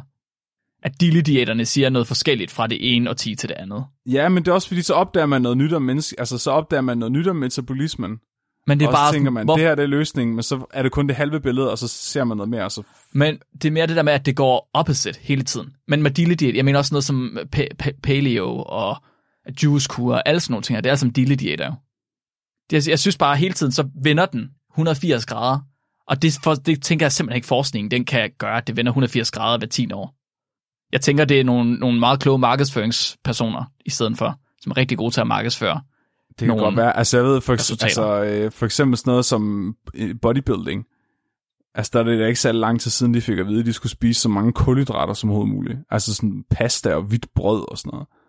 Altså, fordi der, havde man, der vidste man jo, at musklerne forbrændt øh, sukker, og at der blev, altså der havde man lige opdaget glykogen, tror jeg, og at, at der lå sukkerlager i musklerne, og musklerne helst ville bruge sukker, hvis de kunne. Det var så før man fandt ud af, at, at insulin bare stopper din krop for at bruge fedt. sådan, ja. Okay. Men vi skal tilbage til detoxing, Flemming. Undskyld, ja, Mark. Vi skal Det er okay, det er okay, det er okay, det er okay, det er okay. Udover sådan noget som de fantasifulde juicekurer, så findes der også nogle lidt mere tv-shop-agtige produkter. Du kan for eksempel købe et fodbad, eller sådan nogle fodbind, til din, altså, hvor du, der skal kunne trække giftstoffer ud igennem huden på fødderne. Fordi vi ved jo alle sammen, at fødderne er det allermest beskidte kropsdel, du har. Er fyldt med giftstoffer. Ifølge lugten er det der, alle giftstofferne er. Ifølge lugten, ja. Ja.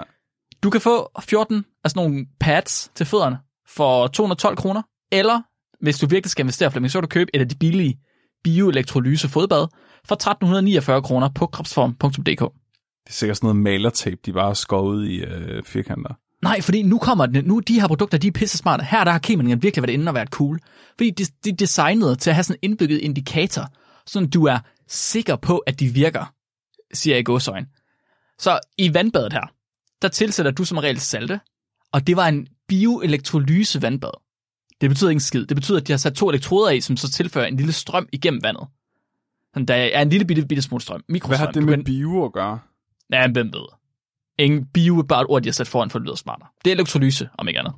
Er der så Det er salt i vandet, for at strømmen kan løbe igennem? Præcis. Men samtidig, så saltet, efterhånden som det bliver i vandet, og du ved, du har sat strøm til det, så begynder det at blive oxideret af elektronerne fra strømmen. Og det her salt her, som de tilsætter, det er som regel noget, der skifter farve, når det oxiderer. Så dit vand ruster. Så dit vand, det ruster. Det bliver mørkere, og det ligner, at du har vasket fødder, som er beskidte. Det er fandme smart. Så du Det er pække altså, smart. hvis det oxiderer det der vand, altså så kan du jo reelt set få brun vand, når du er færdig. Præcis. Du ikke bare brun vand, det kommer fuldstændig an på, hvad for en metalion du har dernede. Så det er bare sådan en tryllebadekar. Præcis, det er Du behøver ikke engang have tryllebadekar. fødderne i, før det skær. Men, men You du tror fucking det. got it, Flemming. You got it. Man behøver ikke have fødderne i, nemlig. Det sker uanset hvad. Så længe du tænder for den og hælder saltet i, så sker det. Oh, Og det er det samme med de der, det er det samme med de der fodbind der. Der har de sat øh, kemikalier på bindene, som oxiderer, når det kommer i kontakt med ilt. Ej, hvor er det dumt. Så hvis du åbner for nogle af de fodbind der, og bare lader dem ligge, så bliver de sorte af sig selv. Du behøver ikke Så sætte på fødderne. æble, ikke? Og bare bliver brun. Fuldstændig. Det præcis det samme. Fuck, det er de, præcis det snyder, samme. de snyder voksne mennesker på samme måde, som jeg snyder børn. Yes. Men de vildeste af de her detoxing-kur, Flemming, det er alle de der mange, mange tarmskyllinger, du kan finde rundt omkring. Den klammeste del af din krop, det er jo, det er jo ikke fødderne. Fødderne er ikke den klammeste del af din krop. Det er dit indre, Flemming. Jeg hvor lort billede. No, du, you know it. Den skal ud, den skal væk, den skal ud, for det er fandme klamt. Væk med det, Flemming. Fy for satan. Ja. Så folk, de skyller deres tarme med alverdens mærkelige ting. Altså, vi har haft øh, rødvinsbong i røghullet på et tidspunkt. Det er ikke Cola. Coca-Cola Co- har vi også haft. Men det var underlivet, faktisk.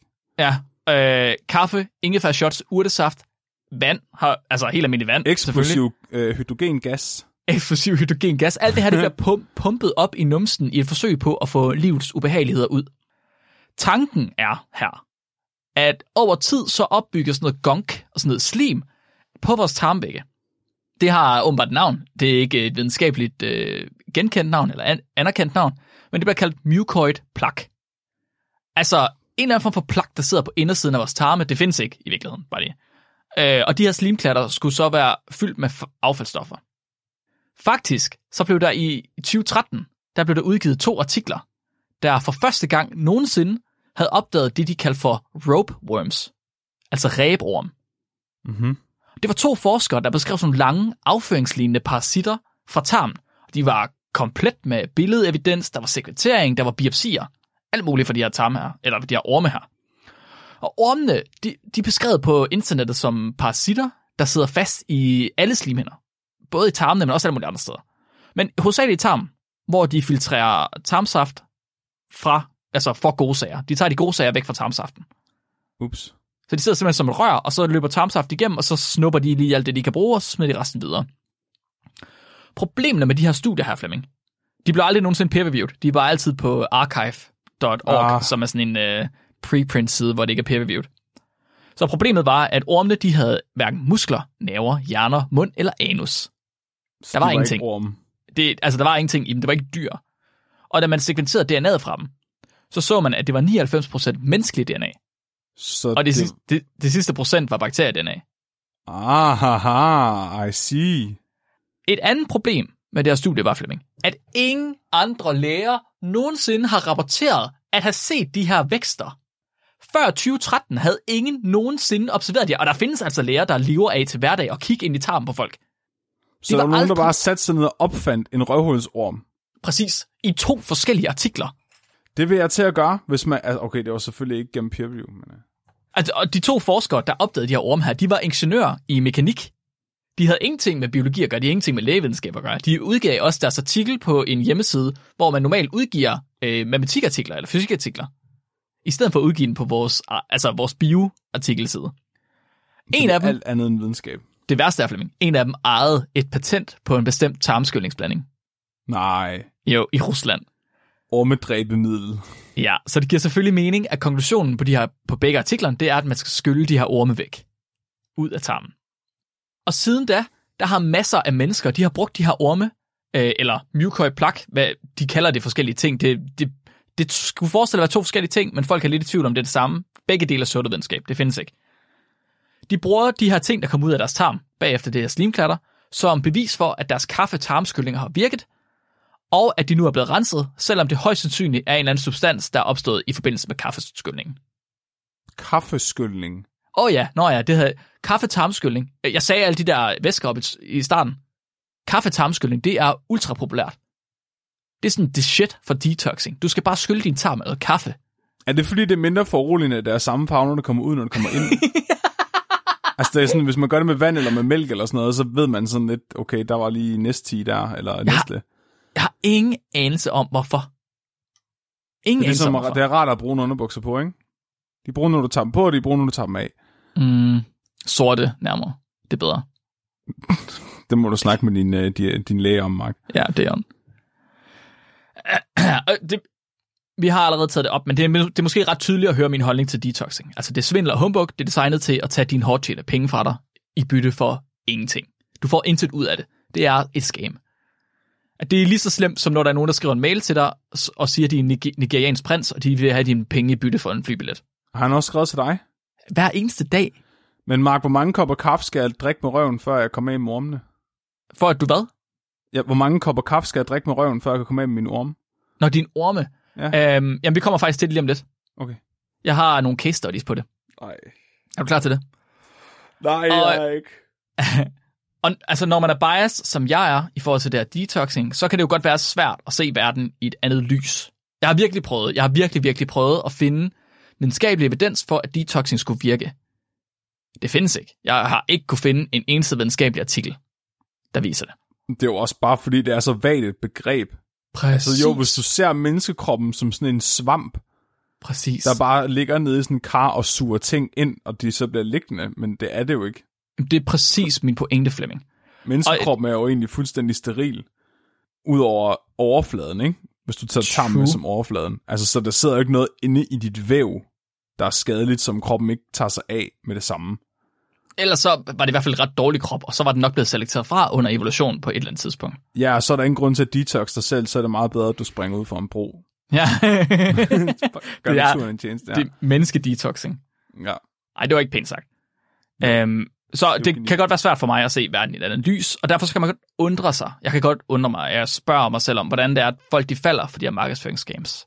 Fordi som sagt, det er ikke de mennesker, der falder for scams, der er, det, altså, der er problematiske. Det er nærmere synd for dem, og vi skal hjælpe dem med at... Nu får jeg til at lyde som offer. Det er heller ikke det, jeg vil.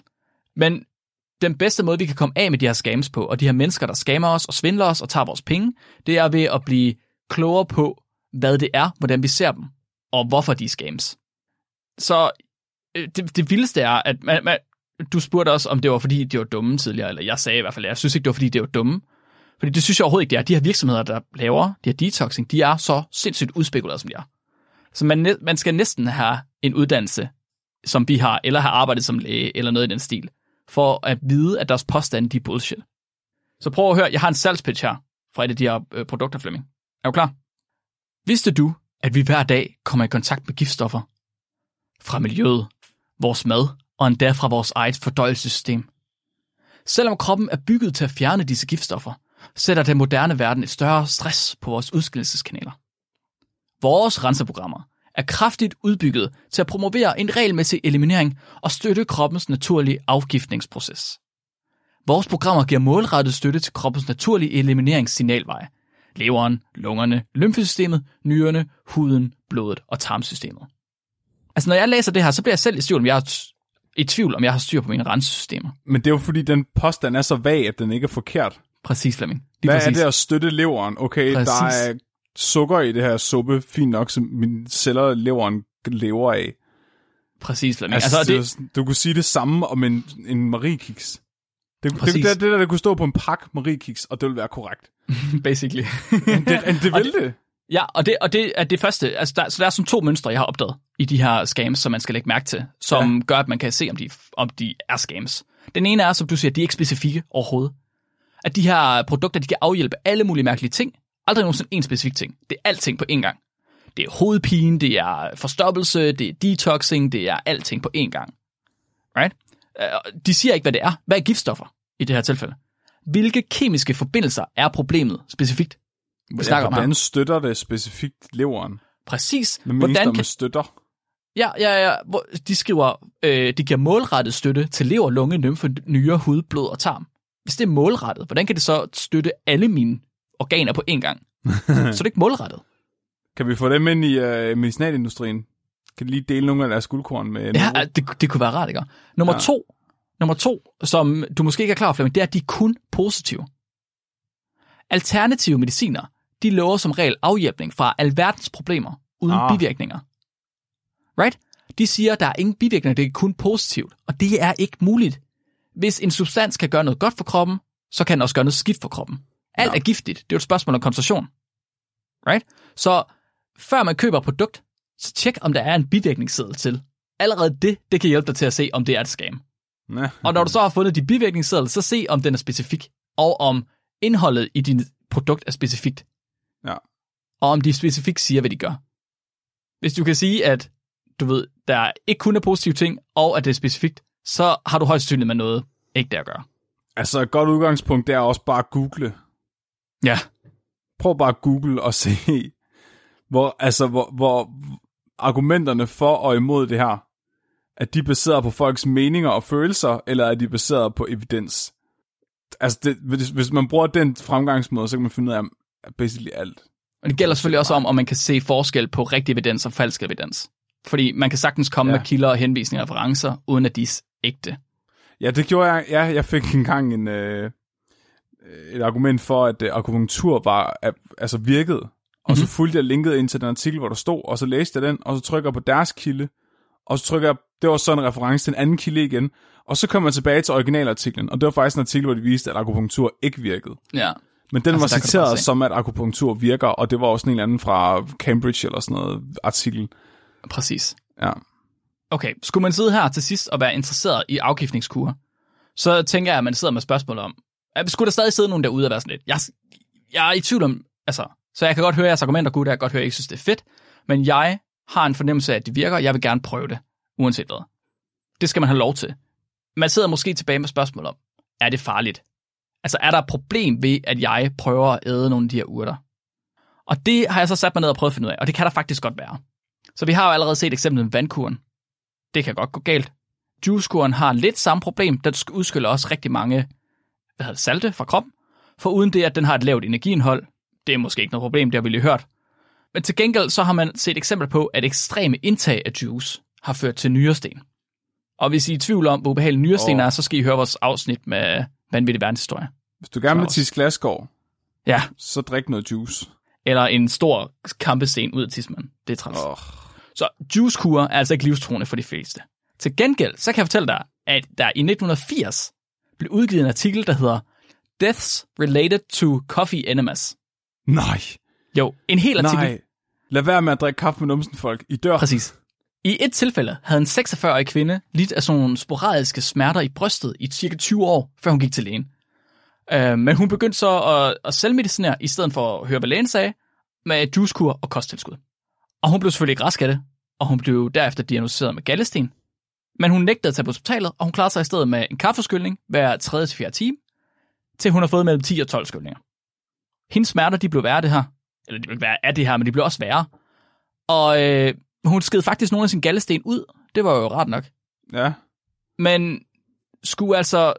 Men alligevel, så var hun altså blevet ved med at få kaffeskyldninger, nu hver time i stedet for. Indtil aften før hun blev indlagt på hospitalet, hvor hun så fik et alvorligt spastisk anfald, eller epi- epileptisk anfald. I løbet af natten, der oplevede hun yderligere to anfald, og om morgenen fik hun så et til. Det sidste anfald, det fik hun hjertestop af. Hun blev genoplevet. Så lå hun i koma i 12 dage, før hun døde af det sidste anfald. Åh, oh, fuck. Hendes, hendes obduktion bagefter viste, at hun ikke havde ilt nok i hjernen, og at hendes lunger de var fuldstændig ødelagt af lungebetændelse. Der var simpelthen masser af vækster inde i lungerne, hvilket forklarer, hvorfor hun har haft smerter i lungerne i 20 år. Hendes, Wow. død, hendes død den blev tilskrevet både lungebetændelsen, men også en mangel på kalium, som følge af en udskyldning fra hendes mange kaffeskyldninger. Kan man kalde det der en Darwin Award? Det kan man godt, men Flemming, der kommer en til. Fordi en anden 36-årig kvinde, hun havde været til lægen og var blevet diagnosticeret med lymfekancer. Og hun afviste at få kemoterapi. Det havde hun ikke lyst til. Et par uger senere, så begynder hun selvfølgelig at opdage knuder op omkring sin hals. Og hun begynder derefter på immuno og på kemoterapi. Men hun responderer ret negativt på behandlingerne, så hendes læger anbefaler strålebehandling. Og det afviser hun så. Det vil hun ikke have. I stedet tog hun til en anden klinik, hvor hun startede på en juicekur og fik 3-4 kaffeskyldninger om dagen med 0,95 liter kaffe. Okay. Flemming, det er, to, det er to af dine kopper kaffe. Ja. Da hun døde, hvilket hun gjorde, fordi kaffeskyldninger åbenbart ikke er nok, der kastede hun en galle-lignende substans op, som åbenbart også var blevet observeret fra hendes kaffeskyldninger. Den røg simpelthen op af munden på hende. Uh, Obduktionen viste, så de havde ikke kunne tage blodprøve på hende, mens hun var levende, så de kunne kun måle hendes, øh, hendes saltniveauer i øjnene bagefter, faktisk. nej. Jo, og så kan man ligesom øh, ekstrapolere tilbage med en standardkurve, og så se, hvad tror vi, hun har haft ved dødstidspunktet. Mm. Hun har haft så lave kaliumkoncentrationer, at da de ekstrapolerede tilbage, der havde hun en negativ koncentration. Hvad? Yep, så hendes øh, død, den blev tilskrevet elektrolytubalance. Hun fik også et spastisk anfald, da hun døde. Forskerne, de fandt simpelthen, at kaffe, det indeholder meget mindre kalium end kroppens egne celler. Så hvis du skyller din tarm hver eneste time med kaffe, så tilføjer du hele tiden en ny kaliumfattig væske til din tarme, der så osmotisk frigiver sin kalium til vandet. Det er ligesom, hvis du koger kartofler uden at putte salt i vandet. Ja, så tager er du saltet ud af kartoflerne, og hvis du så bliver ved med at skifte saltet eller vandet ud med nyt frisk vand, Ja. så bliver du ved med at trække mere og mere salt ud af kartoflerne. Så det skete inde i hendes røv. Yes, det skete simpelthen inde i hendes tarm. trak vand ud af hendes numse. Præcis. Og Salt. de har, så, de har så vurderet, at en liter kaffe i tarmen hver eneste time, det har været mere end rigeligt til at fjerne alt kalium. Jeg Min ved, pointe dem, med alt det her... Anbefalet det her, om de blev sådan dømt for mor eller sådan noget. Ah, jeg tvivler, jeg tvivler. Men jeg tror heller ikke nødvendigvis, de har kunne putte kaffe op i tarmen på dem selv. Jeg tror måske, de har fået hjælp, men jeg ved det ikke. De har jo også, øh, hvad skal man sige, gået med til det selv, Ja. I guess. De har nok skrevet under på et stykke papir om, at det er en, en ansvarsfraskrivelse, tænker jeg. Det er sindssygt. Så øhm, jeg kan ikke lide detoxing. Det er ikke lige mig. Jeg synes heller ikke, I skal gøre det. Men hvis I gør det, så er det for guds skyld værd med at pumpe en liter kaffe op i numsen i timen. Måske hver anden time. Måske hver en time.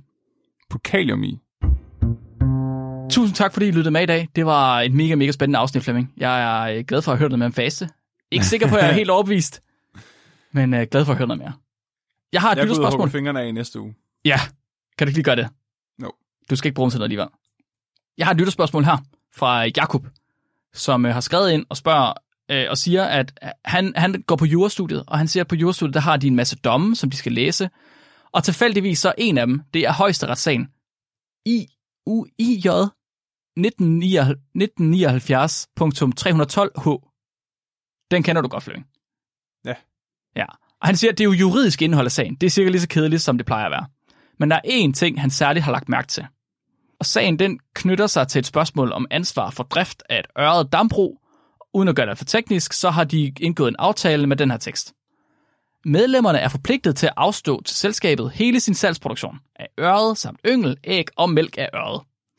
Medlemmerne er forpligtet til lojalt at bistå selskabets salgsorganisation, og hertil at afgive alle oplysninger om salgsmuligheder for øret, yngel, æg og mælk.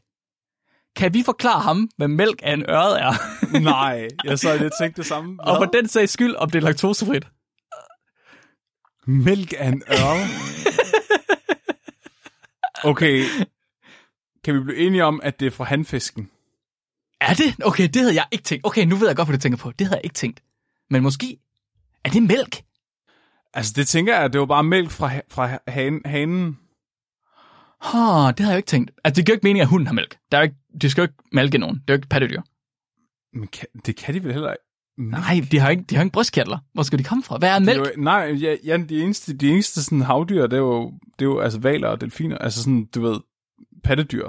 Ja, ja. Dyr, der beslutter sig for at nu gå op på land og bliver til et landdyr, og så ændrer Så de, mening nej, ikke alligevel. Fy for helvede, der er for mange mærkelige typer heroppe. Flemminger. Ørred mælk. Er det mælk lavet? Er det, er det, er det sådan noget... Øhm, Er det mælk lavet på ørder? ja, Har de presset øret til mælk? knoglerne og, og blender dem og putter vand, og så putter vand i, og så... Øh, Jeg tror, en ting vil jeg godt kunne øh, svare Jakob på. Det er 100% laktosefrit. tror du det? Ingen mælkesukker i det mælk. Det tror jeg ikke på. Må jeg godt google, hvad ørredmælk er? Øh, Prøv lige. Der er ikke noget, der skal... Altså, hvis jeg googler ørredmælk, så kommer der alle mulige klamme madopskrifter op. Så svaret er, at det ved vi ikke. Men vi vil gerne vide det. Vi, okay, jeg, jeg vil ikke indrømme, at jeg ikke ved, hvad det er. Du tror, det er sæd. Jeg tror enten det er sæd, eller så tror jeg, at det er meget, meget, meget fint blendet ørredknogler, der er blandet i vand. Og det lyder fandme også klamt. Jeg tror stadig ikke på, at der er laktose i det. Det lyder næsten lige så ulækkert som sojamælk. Som er det samme, bare med sojabønner. Præcis. Jakob, jeg tror ikke, du skal drikke det, hvis du får fingeren i det. Det er nok en dårlig idé. Hvis nogen derude har noget ørredmælk, vil jeg meget gerne smage det. ja, selvfølgelig gør du det. Hold kæft, mand. Uanset hvor det kommer fra. Tusind tak for spørgsmålet, Jakob. Så vi har lige fået scoret øh, de to uger sidste afsnit, fordi Flemming og Nikolaj glemte det i sidste uge. Det er godt, den voksne er kommet tilbage. Og øh, forrige uge, der var det øh, ligegyldige videnskabelige opdagelser, hvor har fået sendt en artikel ind af Alexander Peter. Og den endte på en score fra mig på 72. Jeg tror, at Flemming han var en lille smule højere. Det er ikke helt så vide. Og der var, det var hovedsageligt op på sin fjollefaktor og på sin øh, videnskabelighed, faktisk. Det, var, det synes jeg faktisk også, det man skal gå ind og høre. Og så var der hønseafsnittet, som øh, på Flemmings side har fået Topscore hele vejen hen. Nå, okay, 100 det havde jeg point. aldrig gættet. Jeg har aldrig 100 nogensinde point. gættet. Og for mig har den 100% fået 100 point. Det er lige 70 meget, hvad du har givet det. 70 point, hovedsageligt baseret på sin øh, Nobel-faktor og sin fjollefaktor. Hvis jeg var helt ærlig, så er deres afsnit, jeg skulle ind og høre. Det er, øh, det er altid topgriner, når Flemming snakker om høns. Det er lærerigt. Yes. Berigende. I næste uge, der skal vi snakke om øh, videnskabens forhold til homoseksualitet. Oh, shit. Et pænt Oh, oh, jeg, har, kontroversielt jeg, har, jeg har på fornemmelsen, at det her det bliver et af de afsnit, hvor der er mange, der kommer til at skrive til os bagefter. Jeg tror det måske. Jeg, tror, jeg ved ikke, om vi skal om vi skal have tilladelse af nogen til at udgive det afsnit, når vi er færdige med det. Skal vi Så- have gay pass af Henrik? Jeg ved ikke, kan man det? Må man godt det? Er det Det nok, at en person giver det? Hvad nu, hvis Henrik er med til at skælde os ud, Det kunne faktisk også være meget sjovt. hvis vi bliver homofobiske? På Okay, en men vi er måde, nødt til at fortælle, hvad det er, det, vi er nødt til at fortælle, hvad er, der skal handle om. Så Flemming, han har, det er Flemmings artikler igen. Flemming, han er for vild til at finde artikler. Flemming, han har skrevet, og det her, det er, hvad han har skrevet i vores emneliste. En dudes Ph.D. bestod i at afbryde folk, der havde homosex på offentlige toiletter. The Tea Room Experiments. ja, præcis. Hvad fuck sker der, mand? Og så er der øhm, en doktor, der prøvede at kurere homoseksualitet med stød, og den person arbejder stadig som underviser, har du skrevet. Ja. Det er jeg spændt på at høre, hvad det er for noget. Det sidste lyder pænt uetisk, og det kunne jeg godt forestille mig ikke er sådan mega sjovt at snakke om. Det første, det lyder, at det er, du ved, uetisk og ikke særlig fedt, at afbryde folk i sex. Men det lyder stadig lidt sjovt. Altså, det, det her, det, det bliver en af de afsnit, hvor vi kommer til at tale om noget, som at, at vi ved og forstår er normalt i dag. Det var det ikke dengang. Øh, Det var det ikke dengang. Og Altså, det, det blev er ikke derfor- set. Det var det, det var det, men det blev ikke set sådan. Nej, og at vi kom, jeg, jeg kommer nok til at grine af det, fordi jeg synes, det er lidt absurd og bizart, men jeg kan også godt forstå, hvis der er nogen, der ikke synes, det er sjovt. Nu ved jeg det, det bliver kontroversielt. Vi ja. tager nok pis på det, uanset hvad. Vi skal prøve at tage pis på forskerne, mere end deres ofre. Præcis. Det er som regel ret svært. Nu må vi se. Me- mest når det går ud over børn. Flemming, er der no- noget, du gerne vil have, at folk de skal gøre, inden vi signer helt af? De må meget gerne øh, skynde sig ind og øh, købe adgang til min OnlyFans. Mm-hmm. Hvad er der Så på man den? meget gerne vil se et billede af mine fødder med og eller uden neglelak med høns Med- baggrunden, Mad så og eller? øh, koster det intet andet end den nette sum af, hvad I vil give. Det er fandme imponerende. Hvor kan Lige man købe det præcis. Det er inde på Videnskabeligt Udfordrets uh, tier, ah. som er sådan den danske Patreon, hvor man kan gå ind og uh, sige, jeg vil gerne give uh, 5 kron eller 10 kroner per afsnit, der er blevet udgivet. Og så, uh, får man, så får man lov til at se mine fødder. Hvad skal man betale for at blive fri for at se dine fødder? Øh, så skal man bare fortsætte med at betale. Så kommer jeg og fjerner billedet fra ens hjerne. Og det er smart. Det kan jeg Med godt lide. magneter, ja. Okay, jeg begynder at betale med det samme. Det er et billede, jeg ikke kan have i mit hoved ja. i alt for lang tid ad gangen. Det lyder hårdt. Når vi når øh, 100 støtter på 10, så lover jeg at købe en harmonika og lære at spille på den. Ja, det bliver du ved med at sige. Det er godt. Vi er på 61 nu, så uh, get it going, folks. 61. Vi har fået 61. nogle, mens du var på ferie. Jeg siger Ja, det. ja, men det er simpelthen det er meget smukt. Ja, vi sætter pris på jer alle sammen. Også dem, der ikke støtter. Mest dem, der støtter. Også dem, der ikke støtter. Mest dem, der, Siger du til mig? også dem, der ikke støtter. Mest dem, der støtter. Okay. Sætter pris på alle, Flemming. Det er varmt herinde, og vi har optaget lang tid. Er du klar til dagens dyrfakt? Bring it, Britney. dagens dyrfakt er sat ind af Tejs Tørsen, som også er med os på Discord. Og han har skrevet, at øh, et hold danske forskere, de har simpelthen udviklet et insekticid, altså et øh, kemikalie, der slår insekter ihjel, ved at få skadedyr til at tisse sig selv ihjel. Fuck. Det skal de lade være med. Death, death by urination. Mit navn er Mest Flemming. og mit navn er Mest Mark, og du er blevet videnskabeligt udfordret. Husk at være dum.